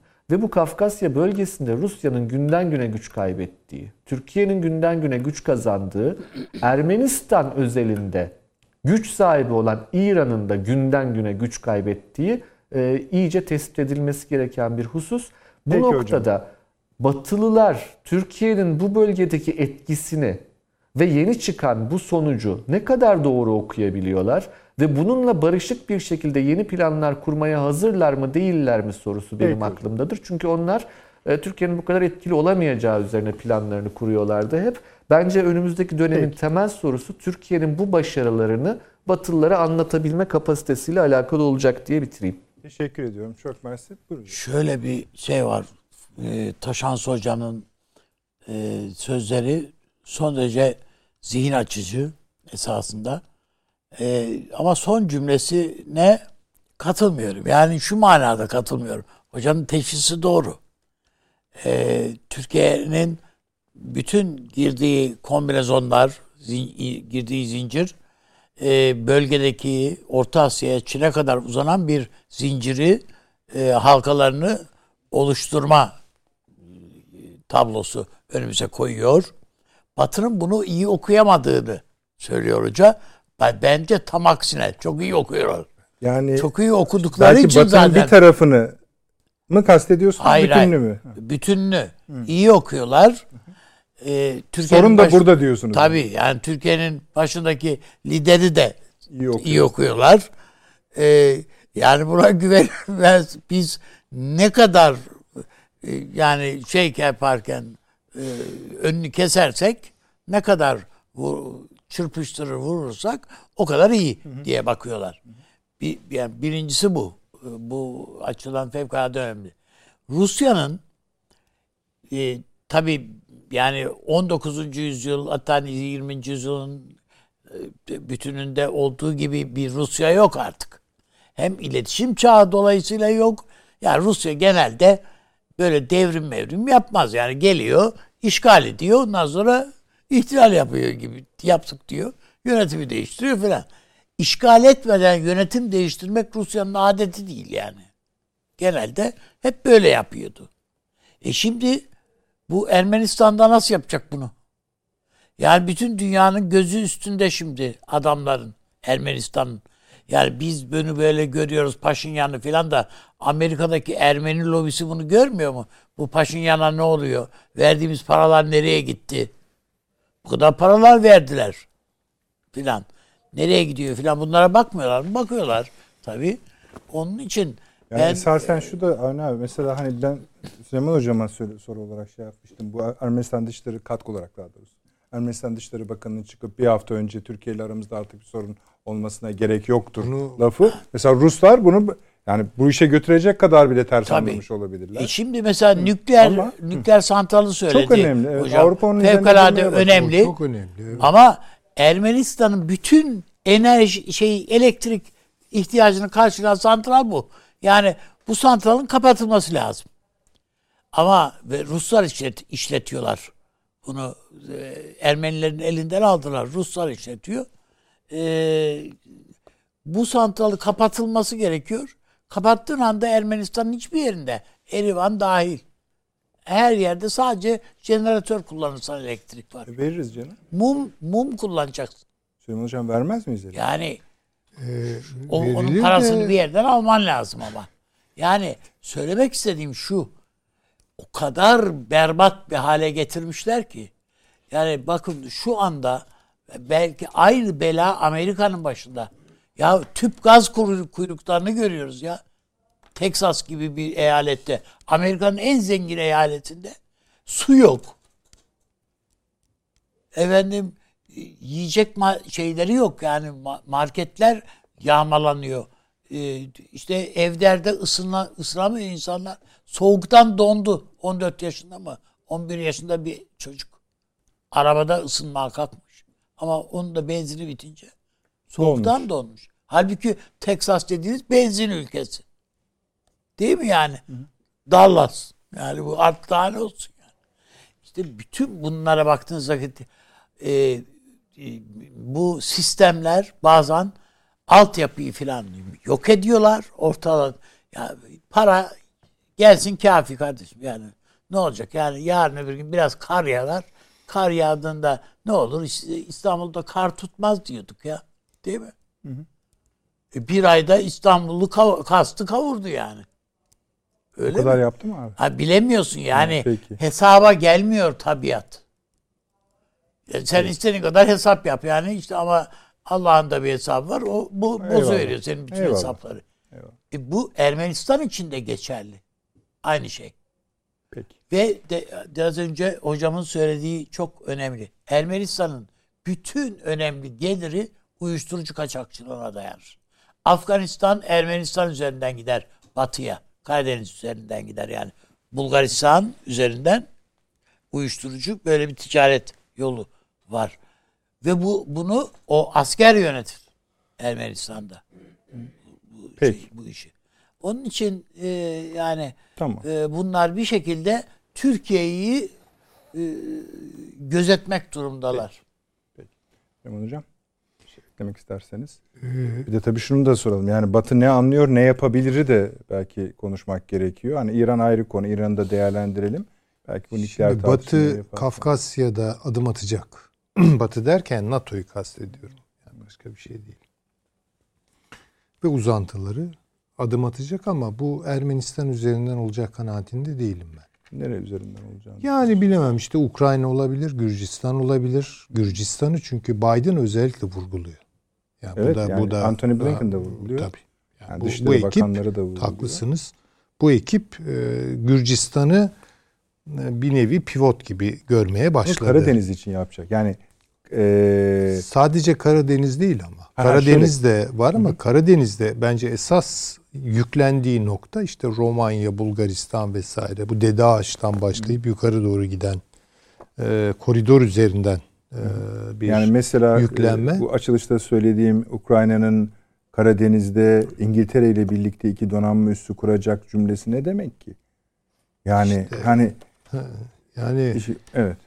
Şimdi burada İngiltere'nin rolünü tabii izleyeceğiz, takip edeceğiz. Ona göre o NATO biraz olabilir yani ancak. Valla İngiltere çok NATO üzerinden mi hareket ediyor artık ondan çok emin değilim. Ee, yani söylemek istediğim şey şu. e, Kafkasya'daki oluşum demin Taşan Hoca onu güzel anlattı. Ta ucu Çin'e kadar giden bölgesel inisiyatifler üzerinden mi yürüyecek yoksa oraya birileri gelip ambargo koyup onu kendi inisiyatiflerine mi dönüştürecekler? Kavga bu olacak. Yani dolayısıyla şimdi Rusya ile Türkiye'nin, İran'ın Gürcistan'ın, ne bileyim Ermenistan'ın vesaire, Azerbaycan'ın bunların e, oturup oturup e, her birinin kendi inisiyatifleriyle işin bir ucundan tutup kaldırabilecekleri bir şeye mi dönüşecek bu süreç? Yoksa delinecek, kısmi çıkarlar etrafında o kavgalar sürecek, e, tartışmalar sürecek ve oraya daha büyük blokların oturmasına dönük bir zemin mi oluşacak onu bilmiyoruz. Tabii onu takip edeceğiz ve anlamaya çalışacağız. Ama gidişat şu ana kadarki gidişat bu bölgenin Amerika'nın veya genel olarak NATO'nun kontrolünden yavaş yavaş çıktığı noktasında. Bunu bunu kabul etmezler. Bunu kabul etmezler. Ee, Rusya burada e, Batı etkisini en septik karşılayan, en e, hatta hatta yer yer belki paranoya ölçüsünde onu telaşlandıran e, bir yaklaşıma sahip ama hüzünlü bu konuda çünkü dediği doğru gene Taşan Hoca'nın Güney Kafkasya'da özellikle Eriyor. bir güç kaybı var ve bunu Türkiye dolduruyor. Dolayısıyla Türkiye ile birlikte burada hareket etme zorunda kalması bile Rusya'nın o emperyal gururunu, gururunu yeteri kadar kırar. Tabii Türkiye'nin de bunu analiz edip anladığını gösteriyor. E, e, tabii yani, ki yani bu, yani bu anlaşılıyor zaten. de düşünün hocam yani hangi ülkeyi işgal hangi birini işgal etsin yani? Gürcistan'a mı baksın? Azerbaycan'a mı? Yani evet. Yani şimdi Amerika'ya şöyle, çok yükleniyorsunuz. Efendim? Amerika'ya çok yükleniyorsunuz. Hayır Amerika'ya çok yükleniyor. Yalnız Amerika'nın orada bir uzantısı var. Ben hep söylüyorum. Orada İsrail. Evet. Buna dikkat edeceğiz. Hı hı. Buna dikkat Doğru edeceğiz yani. Peki. Ee, onun için hani ben şimdi bu Ermenistan'daki tablo işte Rusya'nın güdümündedir, değildir bu tartışmalar tabii yapabiliriz bunları ama e, bana kalırsa inşallah tabii ki e, doğru çıkarım. Bazen kendi değerlendirmelerin yanlış çıkması ne, duasıyla onları temennisiyle söylüyorum. Bunda oradaki işler büyümez ve bir 10-15 gün içerisinde zaten orayı unuturuz. Yani orada Paşinyan kalır. Yani, Ama Paşinyan'ın yerini kim alacak meselesi. Bakın bu bir tartışma konusu. Ermenistan'ın yeniden yapılandırılması meselesi işte Rusya'nın orada müdahil olacağını ben de düşünüyorum. Ama süreç bu e, mafya bozuntusu generallerle falan olmaz. olmaz. Yani bunu bunu Rusya evet. yani şunu da cevaplamış yani. olduk aslında. Batı ne anlıyor, ne yapabilir sorusunda anlamadığı bir şey olmadığını görüyoruz. Anlıyor gayet başın orada ne olduğunu. Tabii canım. Onlar ne yapabilir de sorun var. Şu anda bunu yapacak ayakları sanki darmış yok, gibi yok, gözüküyor. Bence güçsüz. Bir birazcık Afganistan, birazcık Şeyin, Gürcistan. Biden'ın bir NATO, ihtimal İran. Biden'ın NATO evet, konuşmasına İran'ı bakarak İran'ı ben e, başka türlü değerlendiriyorum e, tamam. tabii. Biden'ın NATO konuşmasına bakarak bir fikir sahibi olmak mümkün mü hocam? Hiç adam amorf. Yani jöle gibi bir konuşma oldu. Daha çok Avrupa'ya geldik. Yani Avrupa'ya söyledi, evet. söyleyeceklerini evet. Bu sefer ama bırakmayacağım. Ben var bir Gürcistan anlamak falan diye bir konuşma Bir Gürcistan oldu. vurguları var. Yani var var. var. Bakın o Ukrayna'da ne? olabilir yeni gerilim alanı. İşte o zaten yani ya Ukrayna gibi. ya e, şey üzerinden Gürcistan üzerinden bir yeni deneme yapacaklardır.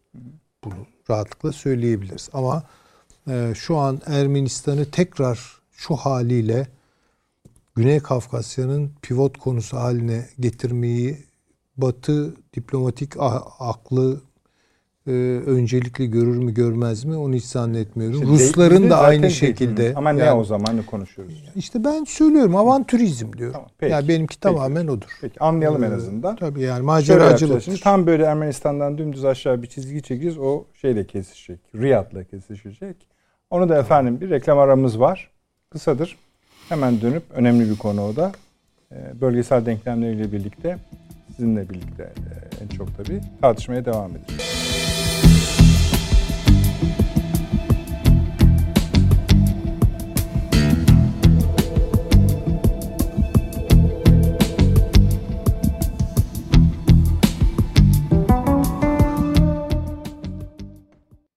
Döndük efendim akıl odası devam ediyor.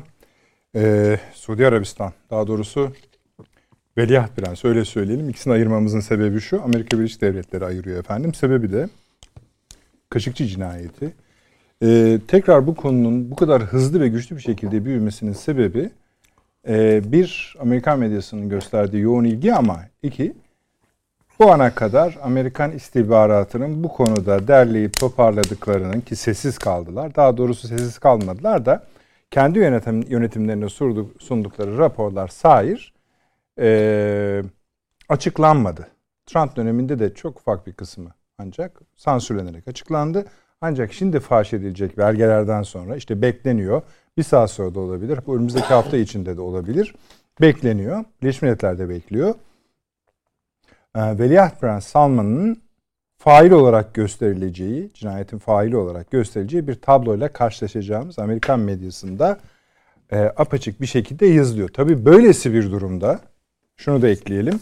Amerikan yeni yönetimi Riyad'da sadece kralı muhatap alıyor. Oradaki yazılarda da işte Amerikan Dışişleri Bakanı Suud Dışişleri Bakanı ile görüşüyor.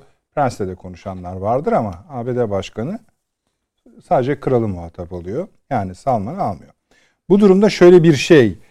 Ee, eğer yine hatırlayacaksınız bu e, Biden yönetimi imza Trump döneminde imzalanan silah anlaşmalarını da askıya almıştı, durdurmuştu. Yemen meselesinin de üzerine gitti. Orayı da durdurdu vesaire. Şimdi tabii şöyle sorular ortaya çıkabilir. Şunu hissettirdi Amerika. Riyad'a söylemiş olabilir. Hissettirmiş olabilir. Eğer krallığın, hanedanın devam etmesini istiyorsanız yeni bir veliaht bulun. Bu nasıl olur? Mümkün müdür değil midir ben bilmiyorum. Ama bu şekilde cümleler kurulabiliyor. Bu işin kalın bir enerji ayağı var. Bu işin daha da kalın bir silah ticareti ayağı var. İngiltere'nin rolü meselesi var. Bu da ayrıca değerlendirilmeli.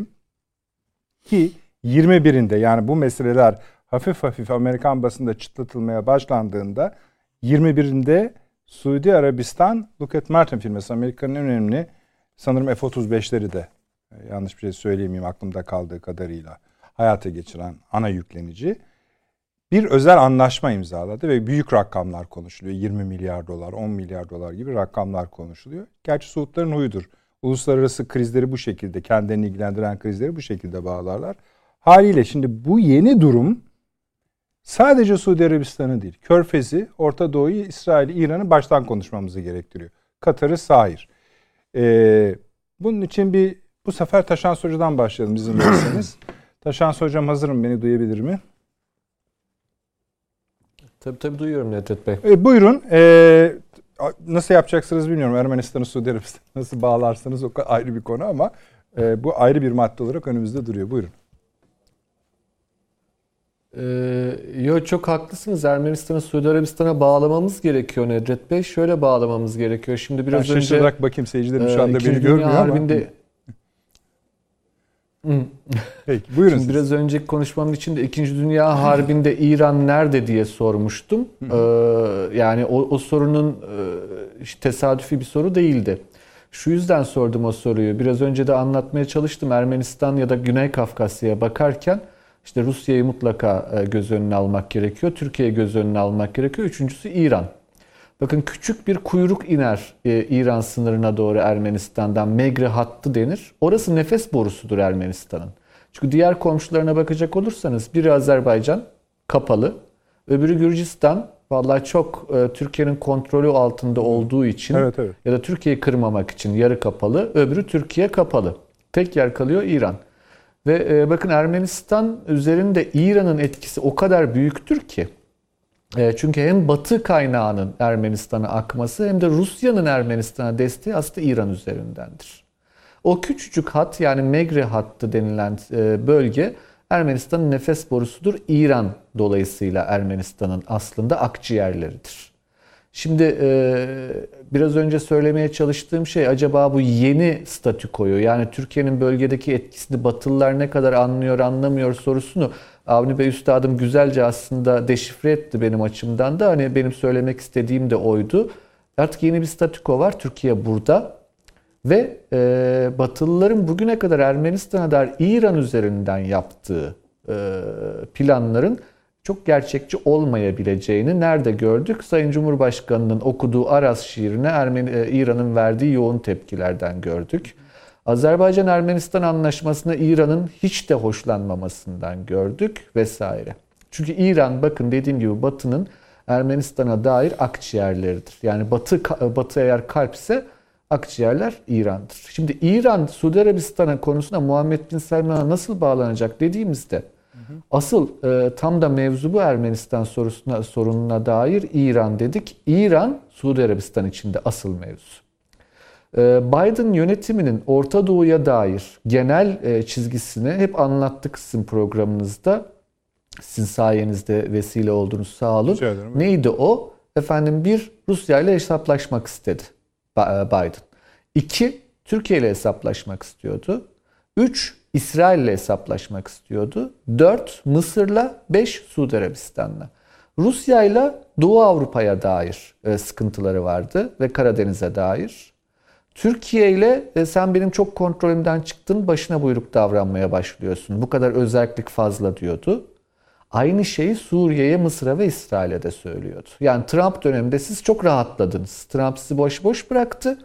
Ben geri geliyorum diyordu Biden. Bakın ülkeleri yeniden sayacak olursak Rusya, Türkiye, İsrail, Mısır, Suudi Arabistan. Şimdi Mısır mesela dün açıkladı. Çok şaşırtıcıdır. Su-35 almak için görüşmelere başladı Rusya ile. Şimdi buna Biden yönetiminin nasıl tepki vereceğini düşünün. Yani Türkiye'nin S-400'lerinden sonra Mısır'da rezonans ME sistemi kuruldu İskenderiye'ye bir Rus radarı. Yetmiyormuş gibi Su-35 alacağım diyor görüşmeye başlıyor. Mısır'da bu. Ama Mısır bunu yaparken bir yanda da Müslüman kardeşler dönemindeki yetkililere dair af kararnamesi çıkardı. Bakın bir yandan öyle bir yandan böyle. İsrail e biliyorsunuz Netanyahu'yu Biden aradı mı aramadı mı arayacak mı tartışmaları oldu. Çok geç aradı işte 4-5 gün evvel aradı. Evet. E, çok da verimli bir konuşma olmadığı açık. Ve İsrail'e birinci golü nereden attı Biden? Uluslararası Ceza Mahkemesi'nde Filistin toprakları konusunda. İkinci golü Blinken attı. Dedi ki biz iki devletli çözümden yanayız. Yani Netanyahu'yu yerinden hoplatacak bir açıklama bu Amerikan Dışişleri Bakanı adına yapılmış. Türkiye'ye dair henüz bir şey yok. Ee, gördüğümüz nedir? S-400'lerden bahsediyorlar. Bu. Yani S-400'leri iade edin, kapatın vesaire bir şeyler ama daha ötesine giden her, her, herhangi bir şey henüz yok. Suudi Arabistan konusunda sizin programınızda 2-3 hafta evvel söyleme şansı bulmuştum. Muhammed Bin Selman'ın görevden alınmasını talep edebilir Amerikalılar diye zannediyorum iş o noktaya doğru gidiyor. Peki neden? Efendim Aramco hisseleri konusunda Amerika ve İngiltere arasında gidip gelen Muhammed Bin Selman'ın Çin'le kurduğu aşırı yakın ilişkiler, Orta Doğu'ya Çin'in girişi konusunda Amerika'nın istediği e, pek çok hamleyi yapma konusunda isteksiz tavırları vesaire ama bunların hepsi bakın Suudi Arabistan'la ilgili. Ama asıl mevzu ne? İran konusunda Suudi Arabistan İsrail ile görüşüyor. Son bir haftadır o kadar sık görüşmeler yapıldı ki Suudi, Suudi yetkililer ve İsrailli yetkililer arasında. İran'ın hem Suriye'deki, Irak'taki varlığı hem de nükleer kapasitesine dair yapılıyor bu görüşmeler. Şimdi bu bölgede bir şekilde İran'dan rahatsız olan ülkeler bunlar. Suudi Arabistan, Birleşik Arap Emirlikleri, e, İsrail ve hatta belki Mısır'da katılabilirsiniz hocam. Buna. Ama Biden ne diyor peki? Buyurun efendim. Ne olur unutmayın Biden ne diyor peki dediniz ve İran'a geçecektiniz. Estağfurullah. Geçmeyin diye ben İsrail'de sizin önünüzü kestim. Şimdi mesela Salman çıksa ya da işte kraliyet çıksa dese ki biz yarın İsrail'le diplomatik ilişkileri kuruyoruz ve bu e, yenileşme, normalleşme dönemine biz de fiilen daha çok katılıyoruz. Hatta bunun imzasını da Beyaz Saray'da sizin yanınızda o yeşil çimenlerde imzalamak istiyoruz dese bunlar düzelir mi? Düzelmez. Peki. Tersine sertleşir Amerika. Peki. Peki. Yani şu an kesinlikle bakın Biden yönetiminin Orta Doğu Orta Doğu'ya dair yaklaşımı bu. Şunu söylüyor. Siz lütfen birbirinizle iyi geçinmeyin diyor. O Trump döneminin gerçeğiydi diyor. Ama ayrıyeten de diyebilirler Trump döneminde hocam? sizler yani, birbirinizle yakın. Bir saniye kısık kesilecek. Hocam herhalde diyebilirler. Buyurun. Yani e, çok güzel düşünmüşsünüz. Gelin imzaları atın. Ama durum değişmez bize. Tabii, ha, ama ha. yani bizim kararlar değil. O imzayı da alırlar diyorsunuz. O imzayı yani. da alırlar. alırlar. Tamam. Bedava bir şey hocam ne olacak? Buyurunuz Taşan Hocam. Valla hatta hatta imzayı attırmamayı bile düşünebilirler ha. bence. Yani çünkü birbiriyle rakip olanların e, aralarının çok iyi olmasını istemiyor Biden. Herkesin Amerika ile arasının iyi olmasını istiyor.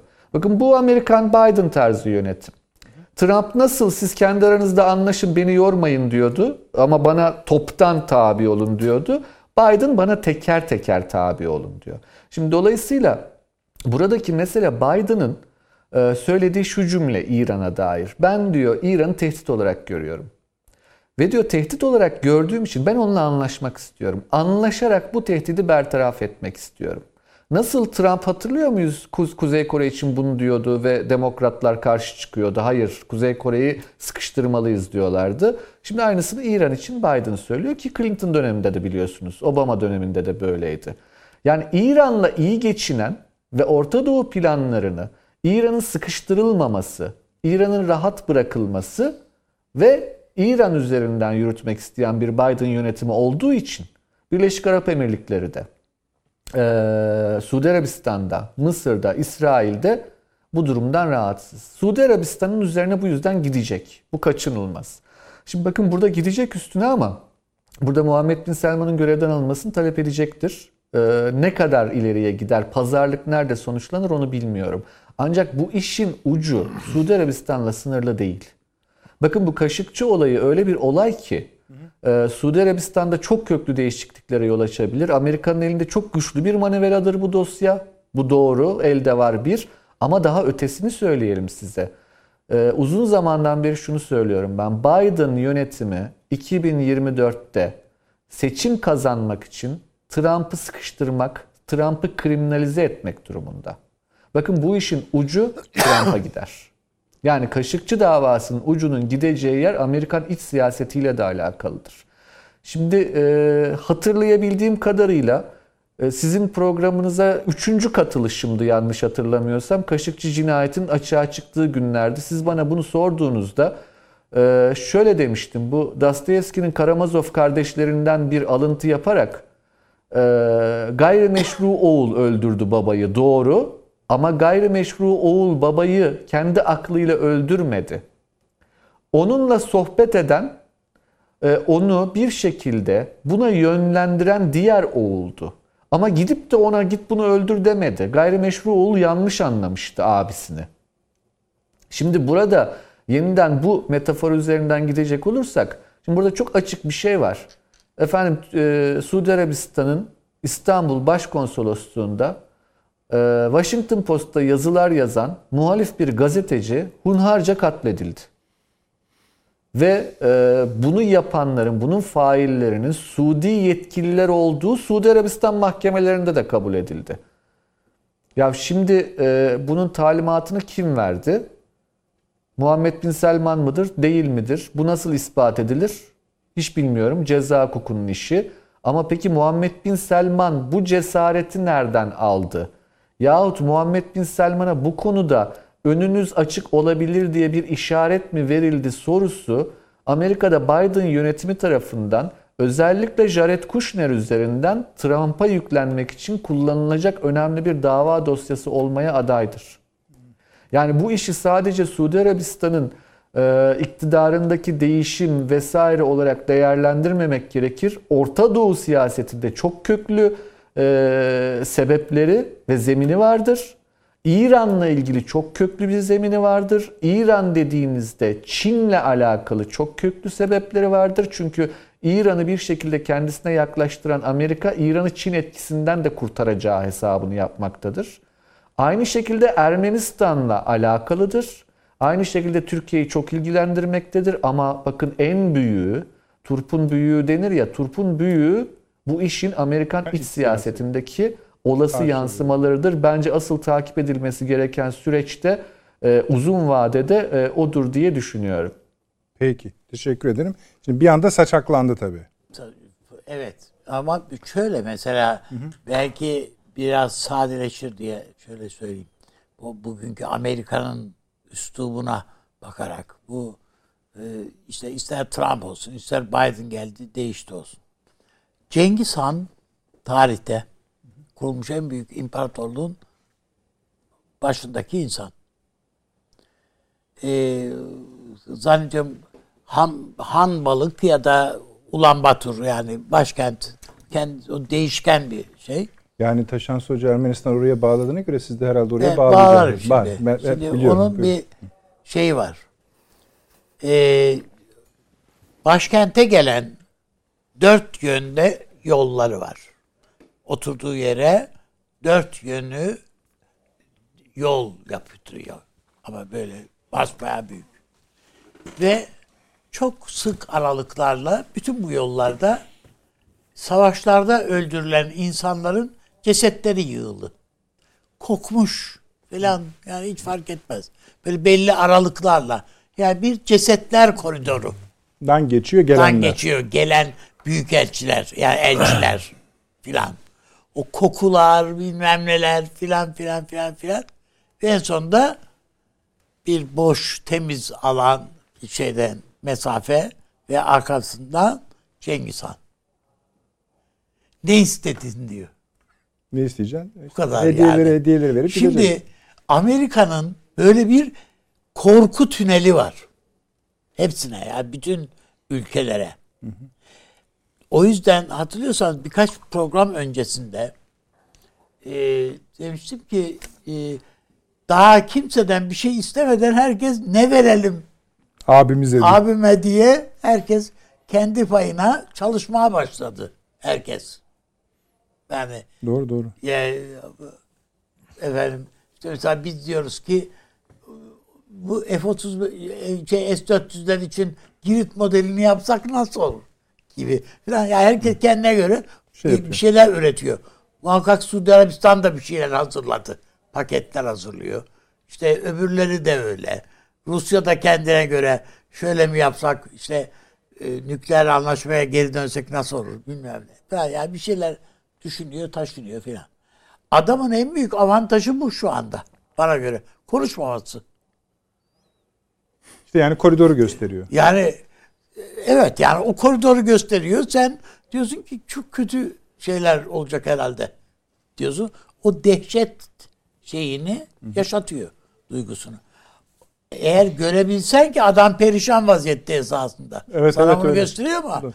Yani kendi İşte ülkesindeki başta salı durum... günkü programımızı onun için atıf Ha. yaparak izleyicimize hatırlattım. Öyle değil işler. Öyle değil. Buyurunuz. Evet.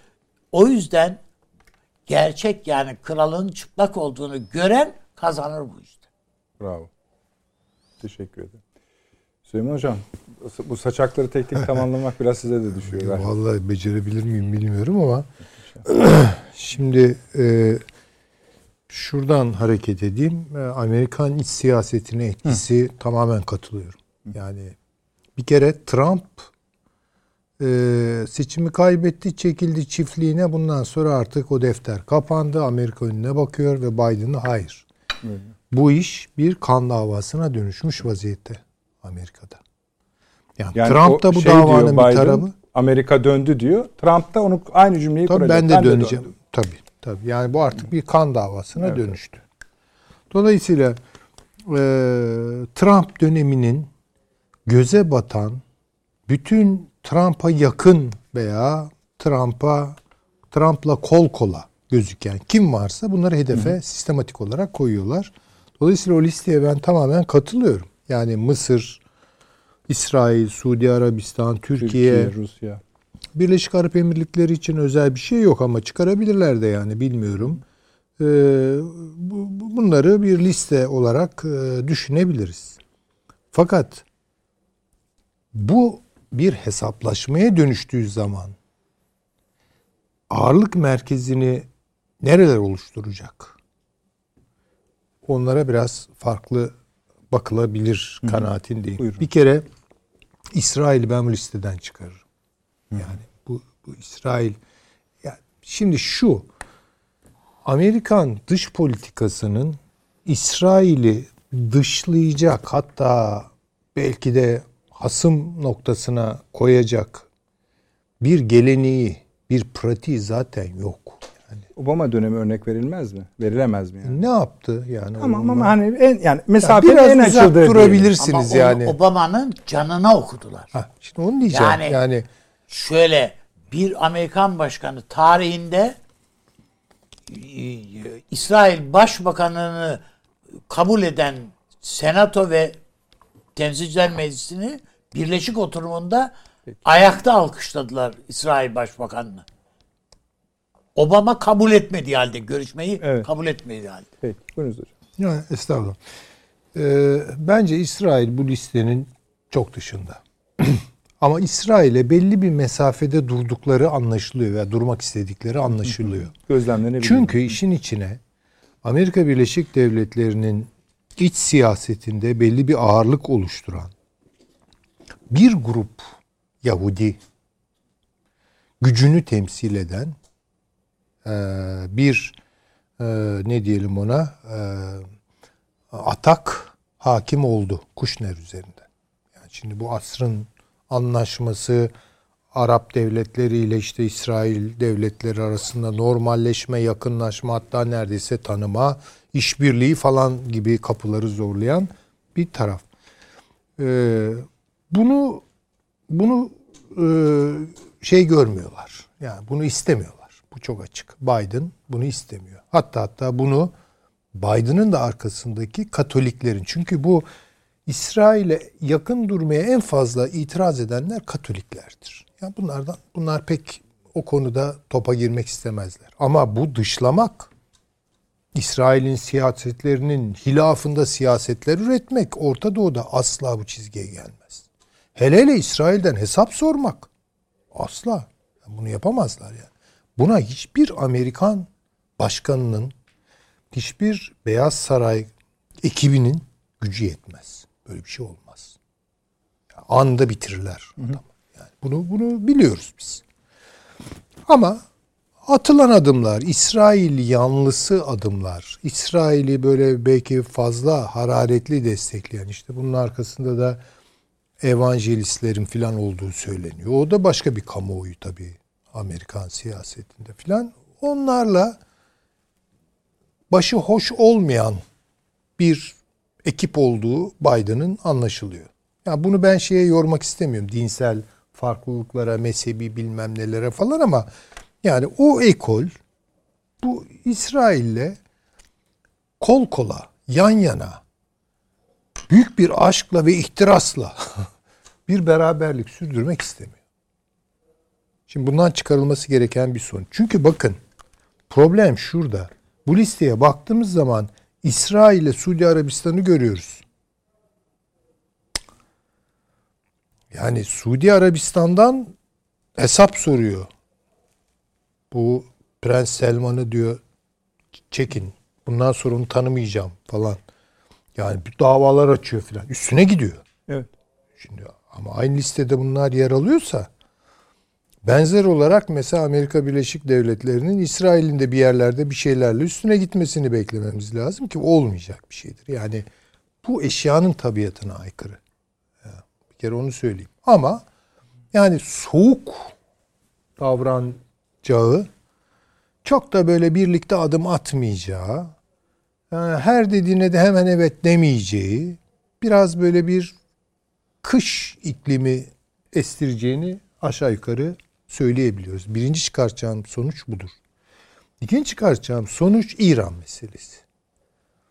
Şimdi İran'ı rahatlatmak, İran'ı e, efendim söyleyeyim işte ambargo konusu olan bir devlet durumundan çıkartmak, işte nükleer anlaşmayı yenilemek, işte İran'da da biraz bir şeyler olursa eli ayağı düzgün reformistler, ılımlılar falan gelirse işler yürüyecek falan.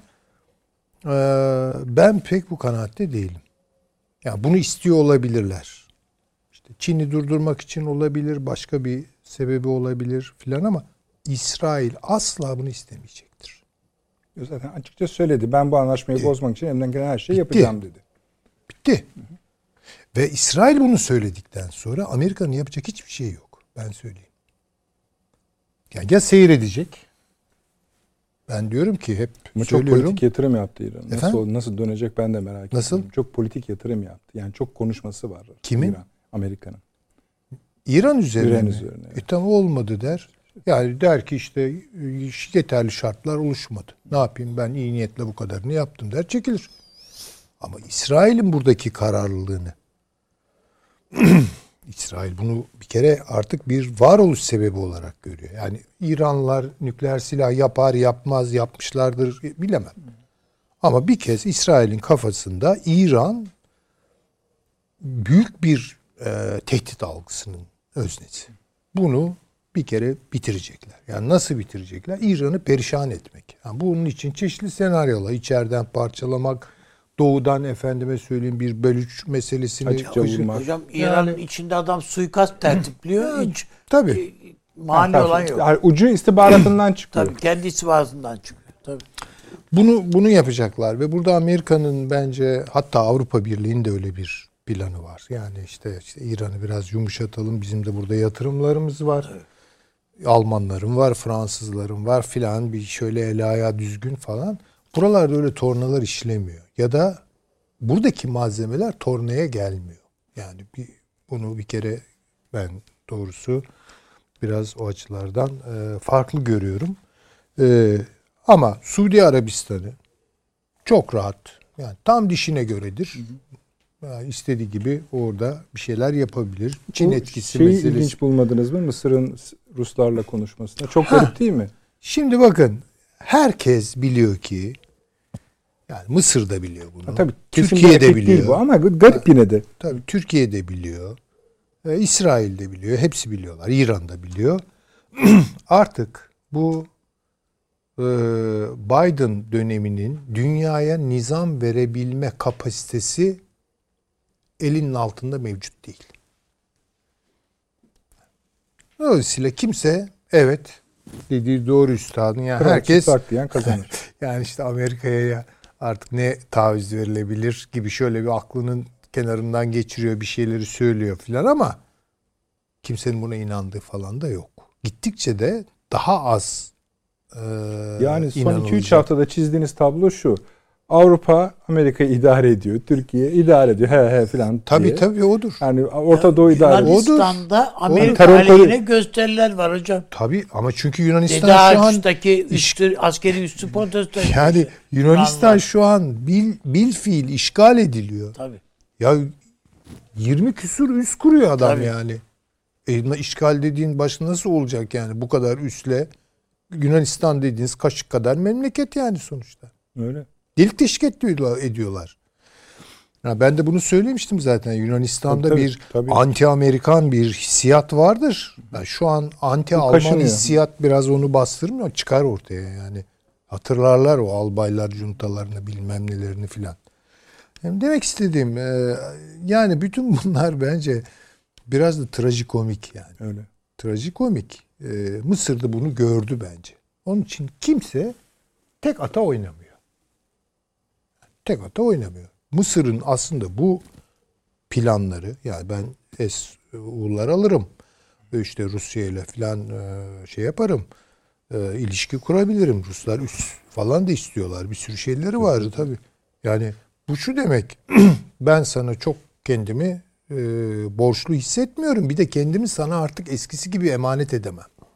Başka bir şey daha var arkasında bunun. Ülkesine göre değişiyor. Yani böyle bütün unsurları Orta Doğu coğrafya, Doğu Akdeniz coğrafyasında birer birer piyon düşürür gibi düşürebilecek hali falan yok Amerika'nın.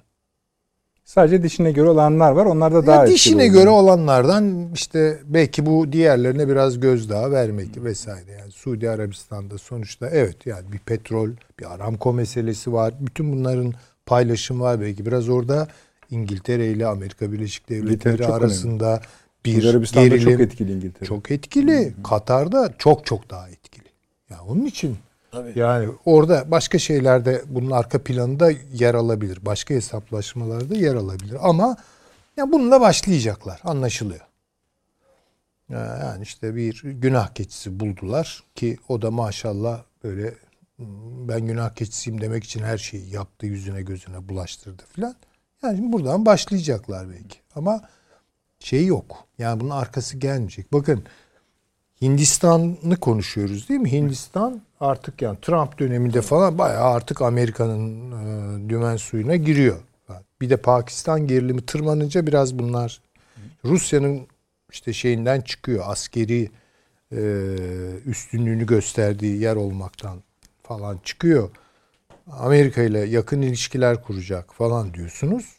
Ama bir süre sonra yani Hindistan'da diyor ya dur bakalım falan. Ben de diyor S-400'leri alacağım kardeşim diyor yani. Pakistan'la Keşmir için ayrı bugün anlaşma imzaladı. Ha yani şimdi. Yani herkes aslında bölgesel olarak bakın bölgesel olarak kendi hesabını gözden geçiriyor. Biz böyle görelim bunu. Mısır'da bunu yapıyor, Türkiye'de bunu yapıyor, Rusya'da bunu yapıyor, İran'da yapıyor. Herkes bölgesel olarak kendi Hocam şunu çıkar- söyleyebiliyorsunuz değil mi? Aslında bu devletleri bu Amerika, Rusya ellemese aralarındaki sorunları da çözerler yani kendileri. E, vallahi yani daha Tabii, herhalde durum mümkün konu- hale gelir e, dediğiniz doğru. Yani çünkü o müdahalelerle yani gidiyor bir sürü şey. E, yön saptırmalarla falan Yunanistan gidiyor. başını belaya sokacak bu Amerika. E tabii belli ki yani. sokacak. Tabii ki sokacak. Yani bunu da artık Yunan kamuoyu görüyor yani. E, görmeye de başladı. İşte Atina görüyordur inşallah. E, Atina'daki yöneticileri bilemiyorum ama Yunan kamuoyunda bence bu anti-Amerikan dalganın kabaracağı ve büyüyeceği gibi bir hissiyat var e, içimde. E, böyle bir beklentim var. Her şey olabilir. Bir Avrupa-Amerika ittifakı dedi. Fransa'dan çatlak sesler çıkıyor. Almanya ne oluyor falan diyor. Yani tut- tutunamıyorlar. Tutunamıyorlar. Ama bakın Zaten bütün- tekrar tekrar söylemesinin anlamı da o. Yani 3 paragraflık konuşmada 2-3 defa döndük. Bize güvenebilirsiniz. Transatlantik bu. Tabii tabii yani ikna etmeye çalışıyor Avrupa'yı. Öbür tarafa sopasını gösteriyor falan. Halbuki mesele o Ha. Avrupa'nın onun döndüğünü görmesi değil. Belki döndüğünü görmese daha iyi olacak Amer- Avrupa için bilmiyoruz yani. Valla işte iki tez vardı zaten seçimde. Biri Doğru. dedi işimize bakalım kapanalım. Biri dedi ki yok hayır dünyaya biz düzen vereceğiz. E veremiyorsun ama veremeyeceksin de. Çünkü niye? Bunu da daha derindeki sebebine işaret etmeden söylediklerim boşluğa düşsün istemiyorum. Buyurun. Ee, şeyin güzel bir sözü var tabii. Ee, doğru yani. Beğenelim veya beğenmeyelim. Marx'ın. Marx der ki üretici güçlerin ve üretim daha doğrusu üretim aletlerinin geliştirilme kapasitesine fren koymak isteyen kim varsa tarihin gerici güçleri şeyine düşer. Kümesine düşer. Evet. E şimdi buradan hareketle bakalım. Hatta Ser- tasfiye edilir. Sermayeyi kaybediyor Amerika. Ancak işte böyle habire dolar pompalayarak filan ayakta tutmaya çalışıyor borsasını bilmem neresini. Ee, teknolojik üstünlüğünü kaybediyor. Daha kötü. Çok daha kötü. Silikon Vadisi'nden güzel haberler gelmiyor. Ve bütün bunları Çin alıyor. Şimdi ya da yeni üst Çin. Ben bunu çok Çin'le de açıklamıyorum da. Her neyse. Yani ne olmuş oluyor? İşte teknolojiye ambargo koyan bir devlet. 5G'yi uygulatmayacağım diyor. Bilmem neyi ne yapmayacağım diyor. Ya bu ne yapıyorsun sen? işte yani üretici üretim aletlerinin tırnak içinde aslında teknoloji o tabii. Gelişimine engel koymuş oluyorsun. Yani gericiliğe düşüyorsun. Tarihi durdurmak istiyorsun. Kontrolden çıkıyor bu. Askeri gücün kalıyor. Bir ara onu düşündük yani pazusunu gösterir işte koca Amerikan ordusu falan. E O da pek- bakıyorsunuz o da tutmuyor artık. Çünkü yeni nesil silahlarda gözüküyor, evet. yani işte Ya özellikle o misil e, e, füzelerde falan belki not araçlar açalım filan. iz- sevgili izleyicilerimize. Yani bu F-35 tartışmaları sürerken çok sayıda biliyorsunuz F-35'in akıbeti ve teknik özellikleri konusunda yazılar çiziler gelmeye başlamıştı. Şimdi bunların tersini söyleyen de çok. Yani biz bizde tartışıldığı için ya F-35'ler aslında bir sürü problem taşıyor yorumlarını eee, daha çok meylettik. Ama hayır F-35'ler iyi teknolojidir, iyi uçaklardır. Gel gelelim. Son bir hafta içinde özellikle iki büyük basın yayın kuruluşu bunlardan birisi Forbes, eee bir de Guardian. İptal İyi- edelim diyorlar. Yani projeyi. ya bu işten defolu. ve in- çok güzel uzun analizler yapmışlar ve uygun dille yapmışlar Avni abi. Bağladıkları yer sizin dediğiniz yer. Ya tamam esasında Amerikan savaş Yeni bir sistemini proje yapalım Ha, diyorlar hocam. bu işi bu tamam bunları da tamam ürettiğiniz kadar ürettiniz. Burada bu işi keselim. Buradan çıkılacak gibi değil diyorlar. Yani hatta şu söylenmiş F-16 satın alalım denmiş. Düşünün yani hali. Onda o da ayıp olur artık denip hani çünkü laf sizin dediğinizi hatırlıyorsunuz. Hani insansız son uçaktan bir anda F-16'lara. Şimdi diyorlar ki arada derede bir şey yapın kurtarın. Yoksa bu rakamlarla olacak iş değil ve çalışmıyor sistem.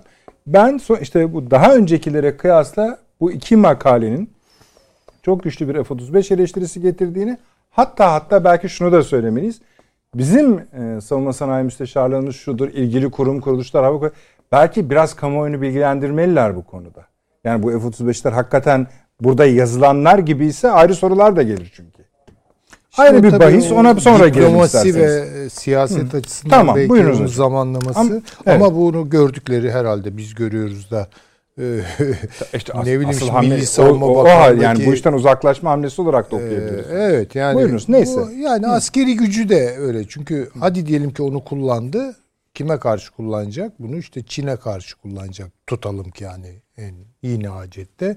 Ee, bir daha Amerika artık nasıl bir Amerika olarak bu işin içinden çıkar? Kazansa bile o Pirus zaferi falan bile olmaz yani.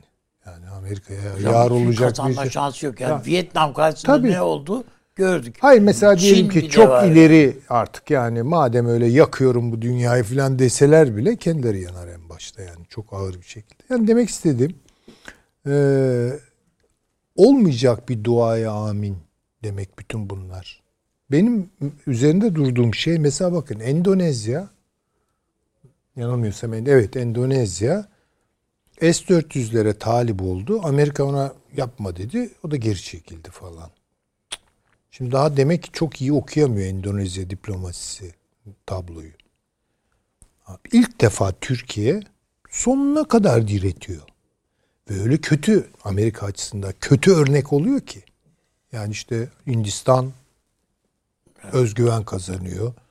Efendim söyleyeyim belki yarın Endonezya'ya yeter ben alacağım diyecek veya Mısır diyecek ki ver ya es uğurları yani benim neyim eksik falan diyecek. Neyse yani bu tabii Rusya'ya yarayacaktır. Yani onu da görelim. Ama kendi teknolojilerini geliştiren bir ülke olarak da Türkiye unik. Yani eşsiz bir ikinci yani İran bunu tabii özellikle füzelerde galiba yaptı ambargoları e, aşmak için. Ama Türkiye bence bunu çok daha çeşitli alanlarda yapıyor. E şimdi bir de böyle bir gelişme var. Yani onun için tabii ki Amerika'yı ben küçümseyelim falan diye bir şey söyleyemem ama yani böyle Amerika geldi Biden tekrar Orta Doğu'ya e, şey veriyor. Düzen ayar veriyor falan. Bunların hiçbiri olmayacaktır. Hiç de istediği gibi gitmeyecektir işleri. Hiç de istediği gibi gitmeyecektir. Ee, ve bütün bunlar Amerikan siyasetine birer e, miras olarak birer tabii ki e, nasıl söyleyeyim ağırlık noktası olarak çökecektir. Peki. Yani bunu bunu görelim.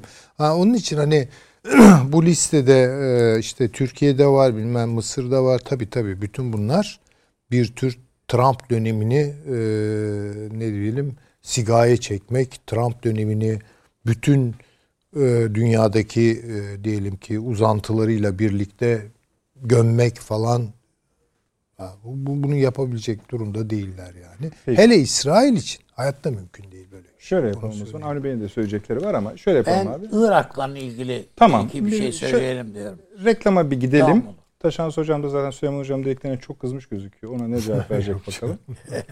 Ondan sonra bir reklama gidelim hemen dönüşte devam ediyoruz efendim. Son reklamımız zaten.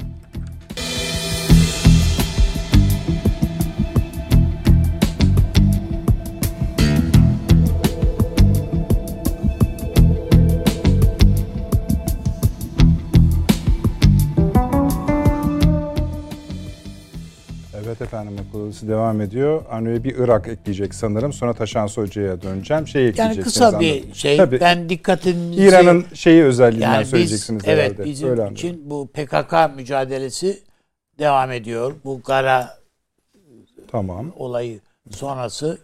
Ee, şimdi e, onu tartışmıyoruz o Gara işini tamam. artık o konuştuk. Şey. Ama Hı-hı. bir örgüt e, bir şekilde bu Sincar bölgesine kaymak Haçlı Şabi etkinliğinden de bahsediyorsunuz. Çünkü İran konusu. Şimdi İran'da Türkiye ya biz PKK ile birlikte hareket edeceğiz dedi İranlılar da ve Haçlı Şabi'yi yığdılar oraya. Evet. Bunun e, Bağdat yönetiminin bilgisi dışında olduğu Mümkün değil. herhalde düşünülemez. Sayılarının 80 bine vardığı söyleniyor. Aynı şekilde PKK'nın da Suriye üzer, üzer, uzantılarından yaklaşık 20 bine yakın eleman kaydırdığı bu bölgeye. Ve dolayısıyla bir 100 bin kişilik bir terör veya bir güç, silahlı güç orada oluşturdukları ifade ediyor. Onun da ötesinde bu Mazlum Kobani denilen adam Amerikalıların generali yani açıklama yaptı. Dedi ki biz Kuzey yani biz Suriye Kürtleriyle yani Suriye Kürtler dedi kendisini kastediyor. Kuzey Irak Kürtlerini biz birleştirme gayretindeyiz. Amerika ile bu konuda görüşmelerimiz sürüyor. Ve olumlu gelişiyor. Önlerindeki tek engel Mesut Barzani. Yani Barzani direniyor ama o direnç kırılır diyorlar. O hakikaten de o Mesrur Barzani falan orada hı hı. sanki bu işe yatmış gibiler. Türkiye'nin bütün burada olanca bana göre dikkatiyle buraya yönelip bizim için e, şey yani hani Türkiye'nin kar, karnı bu. Sıcak karnı. Buraya e, sahip çıkması lazım. Şey Ama tabii musun? Gara'ya sahip çıktığı gibi değil. Tabii. İran'ın buradaki etkinliği içinde bir şey mi söylüyorsunuz yani bunun üzerinde? Kesinlikle. İşte yani onu şey, İran hı. zaten açıklama yapıyor ya Şahsı Şabi. Türkiye'ye burayı dar edeceğiz diyor. Ama şeyi birleştiriyor musunuz bu Amerika-İran arasındaki? Tabii ben birleştiriyorum. Hatta bu Haçlı Şabi'nin Amerika'nın planlarına da biz yani uygun oluruz. Yani Anladım, bizim varlığımızı diyor. o kadar şey yapma sen. Sen bu Kürtlerin de idaresini bilmezsin biz biliriz. Bu Araplardan anlamazsın dilinden biz anlarız bunları. Hı hı. Tamam biz yani evet. biz senin adına burayı yaparız. Peki. Bakmayın buna yani ya bu İran bu Amerika'ya şeytan diyordu yani. Bu en büyük şeytan diyordu. Ya bu nasıl olur filan? Hayır çok iyi olur. Geçmişte oldu. İran pekala Batı güçlerinin lehine Osmanlı zamanında da böyleydi. Yani Avusturya Macaristan İmparatorluğu lehine Osmanlı'nın üzerine sefer açtılar. Peki. Onun şimdi, şimdi de yaparlar yani. Peki. Gelelim Taşansı hocamıza. Evet Taşansı hocam, e, Süleyman hocam sizin listenizi biraz seyreltti. Anladığım kadarıyla ona biraz öfkelendiniz. Buyurun. estağfurullah, estağfurullah olur mu? Ee, ee, şimdi bu e, yani bu listeye dair değil de hani Hı-hı. aslında bu listeden buyurun, çıkan buyurun. sonuç e, bir şekilde hani tüm dünyada e, bir şekilde Süleyman Hoca da tespit etti onu. Bölgesel ittifaklar, bölgesel ilişkilerin güçlenmesi söz konusu. Yani bu hem bir şekilde barış yaratma imkanı sağladığı için çok taraflı siyaset hem de büyük güçlerle ilişkisinde orta büyüklükte güçlerin elini kolaylaştırdığı için çok önemli. Ben e, mesela şöyle bir örnek vereyim. Türkiye, Azerbaycan, Pakistan anlaşması inanılır gibi bir şey değil. Çok çok önemli bir kazanım Türk dış politikası açısından. Hani bunu konuştuk e, programlarınızda e, birkaç defa. Çok önemsiyorum ben bunu. Ee, yani şöyle söyleyeyim ben e, olup olanı genel yapılar üzerinden analiz yapmaya çalışan bir akademisyenim. Yani pek çok bilgiye erişimim yok. E, dolayısıyla pek çok şey eksik biliyorum. Eksik bilgi de yanlış bilgidir. Birincisi bu. İkincisi e, profesyonel bir iştir tavsiyede bulunmak. Dolayısıyla hiç kendimde öyle bir yetki, hak görmem. Ama hani bir genel çerçeve olarak şunu söyleyebilirim rahatlıkla. Türkiye'nin mesela bu tarz işte Azerbaycan'la Pakistan'la kurduğu gibi bir ilişki şekli Güney Kafkasya'da üç ülkenin birbiriyle anlaşmasını sağlamasıyla kendisi de inanılmaz manivelalar e, yaratabilir. E, benzer bir şey efendim e, bu e, Türkiye, Azerbaycan, Pakistan arasındaki anlaşmanın bir benzerini Türkmenistan, Özbekistan ve Kazakistan'la da belki genişletmek. Ama ilk başta Azerbaycan-Türkmenistan ilişkilerine e, biraz daha yüklenmek belki. E, oraya yavaş yavaş Özbekistan'ın katılması. Afganistan'da Türkiye'nin NATO üzerinden çok büyük bir etkisi var ama kendisinin bir ağırlığı var. Bunun bir şekilde daha iyi işlenmesi çok büyük katkılar sağlayacaktır diye düşünüyorum. Çok çok özel bulduğum bir şey. Ee, yani dediğim gibi ben tavsiye vermek değil derdim asla. Hiç öyle bir şeye girmek istemem ama mesela Dede Ağaç üstünü e, siz salı günü konuştuğunuz programda ben de ilgiyle izledim. Ee, mesela Dede Ağaç üssü konusunda çok açık bir bilgiyi paylaşmak gerekir. Efendim Selanik limanını Ruslara verdi Yunanistan. Pire limanını Çinlilere verdi. E Dede Ağacı da Amerikalılara verdi. Vallahi yazık. Yani gerçekten yazık. Ben Yunanları tanıyorsam biraz e, milliyetçi bir toplumdur Yunanlar. E, çok da saygı duyarım ben bu özelliklerine. Yani komünist partileri dahil olmak üzere gayet milliyetçidirler. Artı iyi savaşçı bir toplumdur. Yani Balkanlarda bakmayın hani Slavlar ya da Arnavutlar savaşçı sayılır ama Yunanlılar da savaşçıdır. E, dolayısıyla hani yazık diyorum gerçekten yazık. Ama neden çıktı peki? Nereden çıktı bu? E, galiba biz de biraz boş bıraktık bazı şeyler. Yani e, ne bileyim işte iki yıldan beri tekrar ettiğim bir şeysin programlarınızda bir Polonya atasözüdür.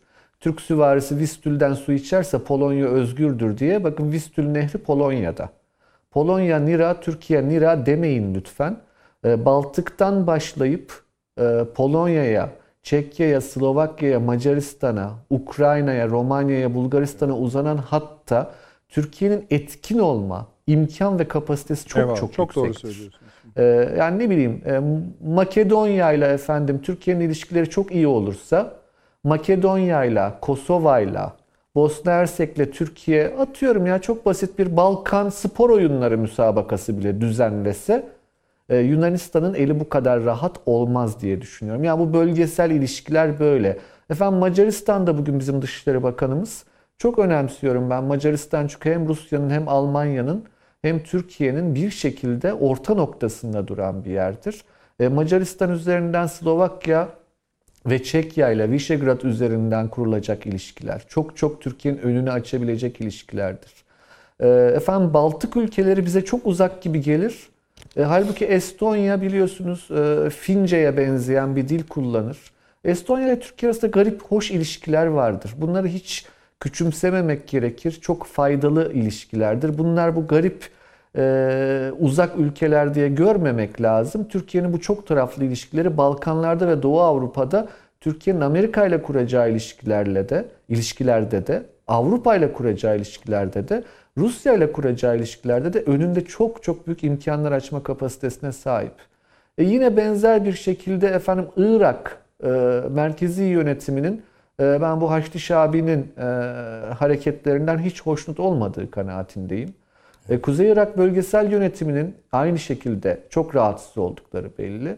E, buralardaki yakın görüşmeler zaten sürdürülüyor. E, ama bunun dışında e, hep söylüyorum hani mesela Libya konusunda da Mısır'la e, temasların kurulması, efendim Ürdün'le, İsrail'le daha yakın ilişkiler. Mesela Somali çok çok önemli e, Kızıldeniz girişi olması hasebiyle bizim Libya'da birliğimiz var. Somali ile ilgiliyiz ama bunları birleştirmek bir şekilde daha karmaşık, karışık değil bakın karmaşık, çok taraflı, çok fazla bölgesel ilişkinin e, örnek olabileceği ve Türkiye'nin bunu yapma kapasitesine sahip nadir ülkelerden birisi olduğunu değerlendiririm ben. Bakın böyle bir kapasite Irak'tan çıkmaz. Mısır'dan çıkmaz.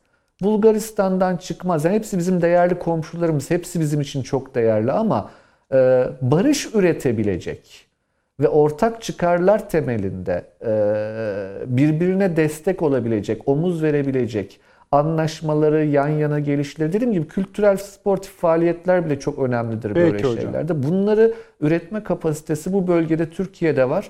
E, o anlamda e, hem bölgesel güçlerle bu tarz yakın ilişkilerin e, bölgesel güçlerle barış getireceğini ama daha önemlisi bence e, dünyada küresel olan güçlerle Türkiye'nin ilişkilerinde önünü ziyadesiyle açacağı Peki hocam. kanaatindeyim.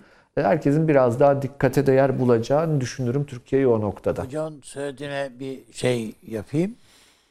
Tuna Nehri üzerinde bir adada son kaymakamımız vardı bizim. 1967'de geri çektik ve devrettik.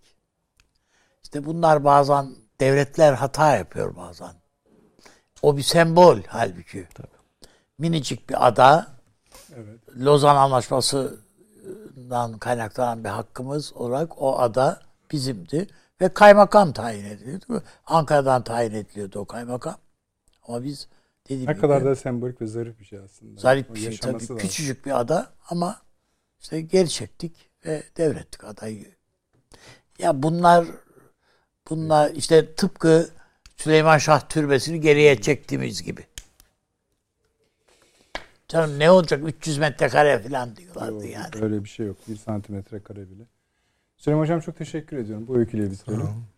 Bakalım tahlillerimiz, analizlerimiz, öngörülerimiz, kestirimlerimiz ne kadar işe yarayacak göreceğiz. Avni abi çok teşekkür ediyorum. Sağ ol, Sağ olun. teşekkür ederiz. Taşansı Hocam çok teşekkür ediyorum.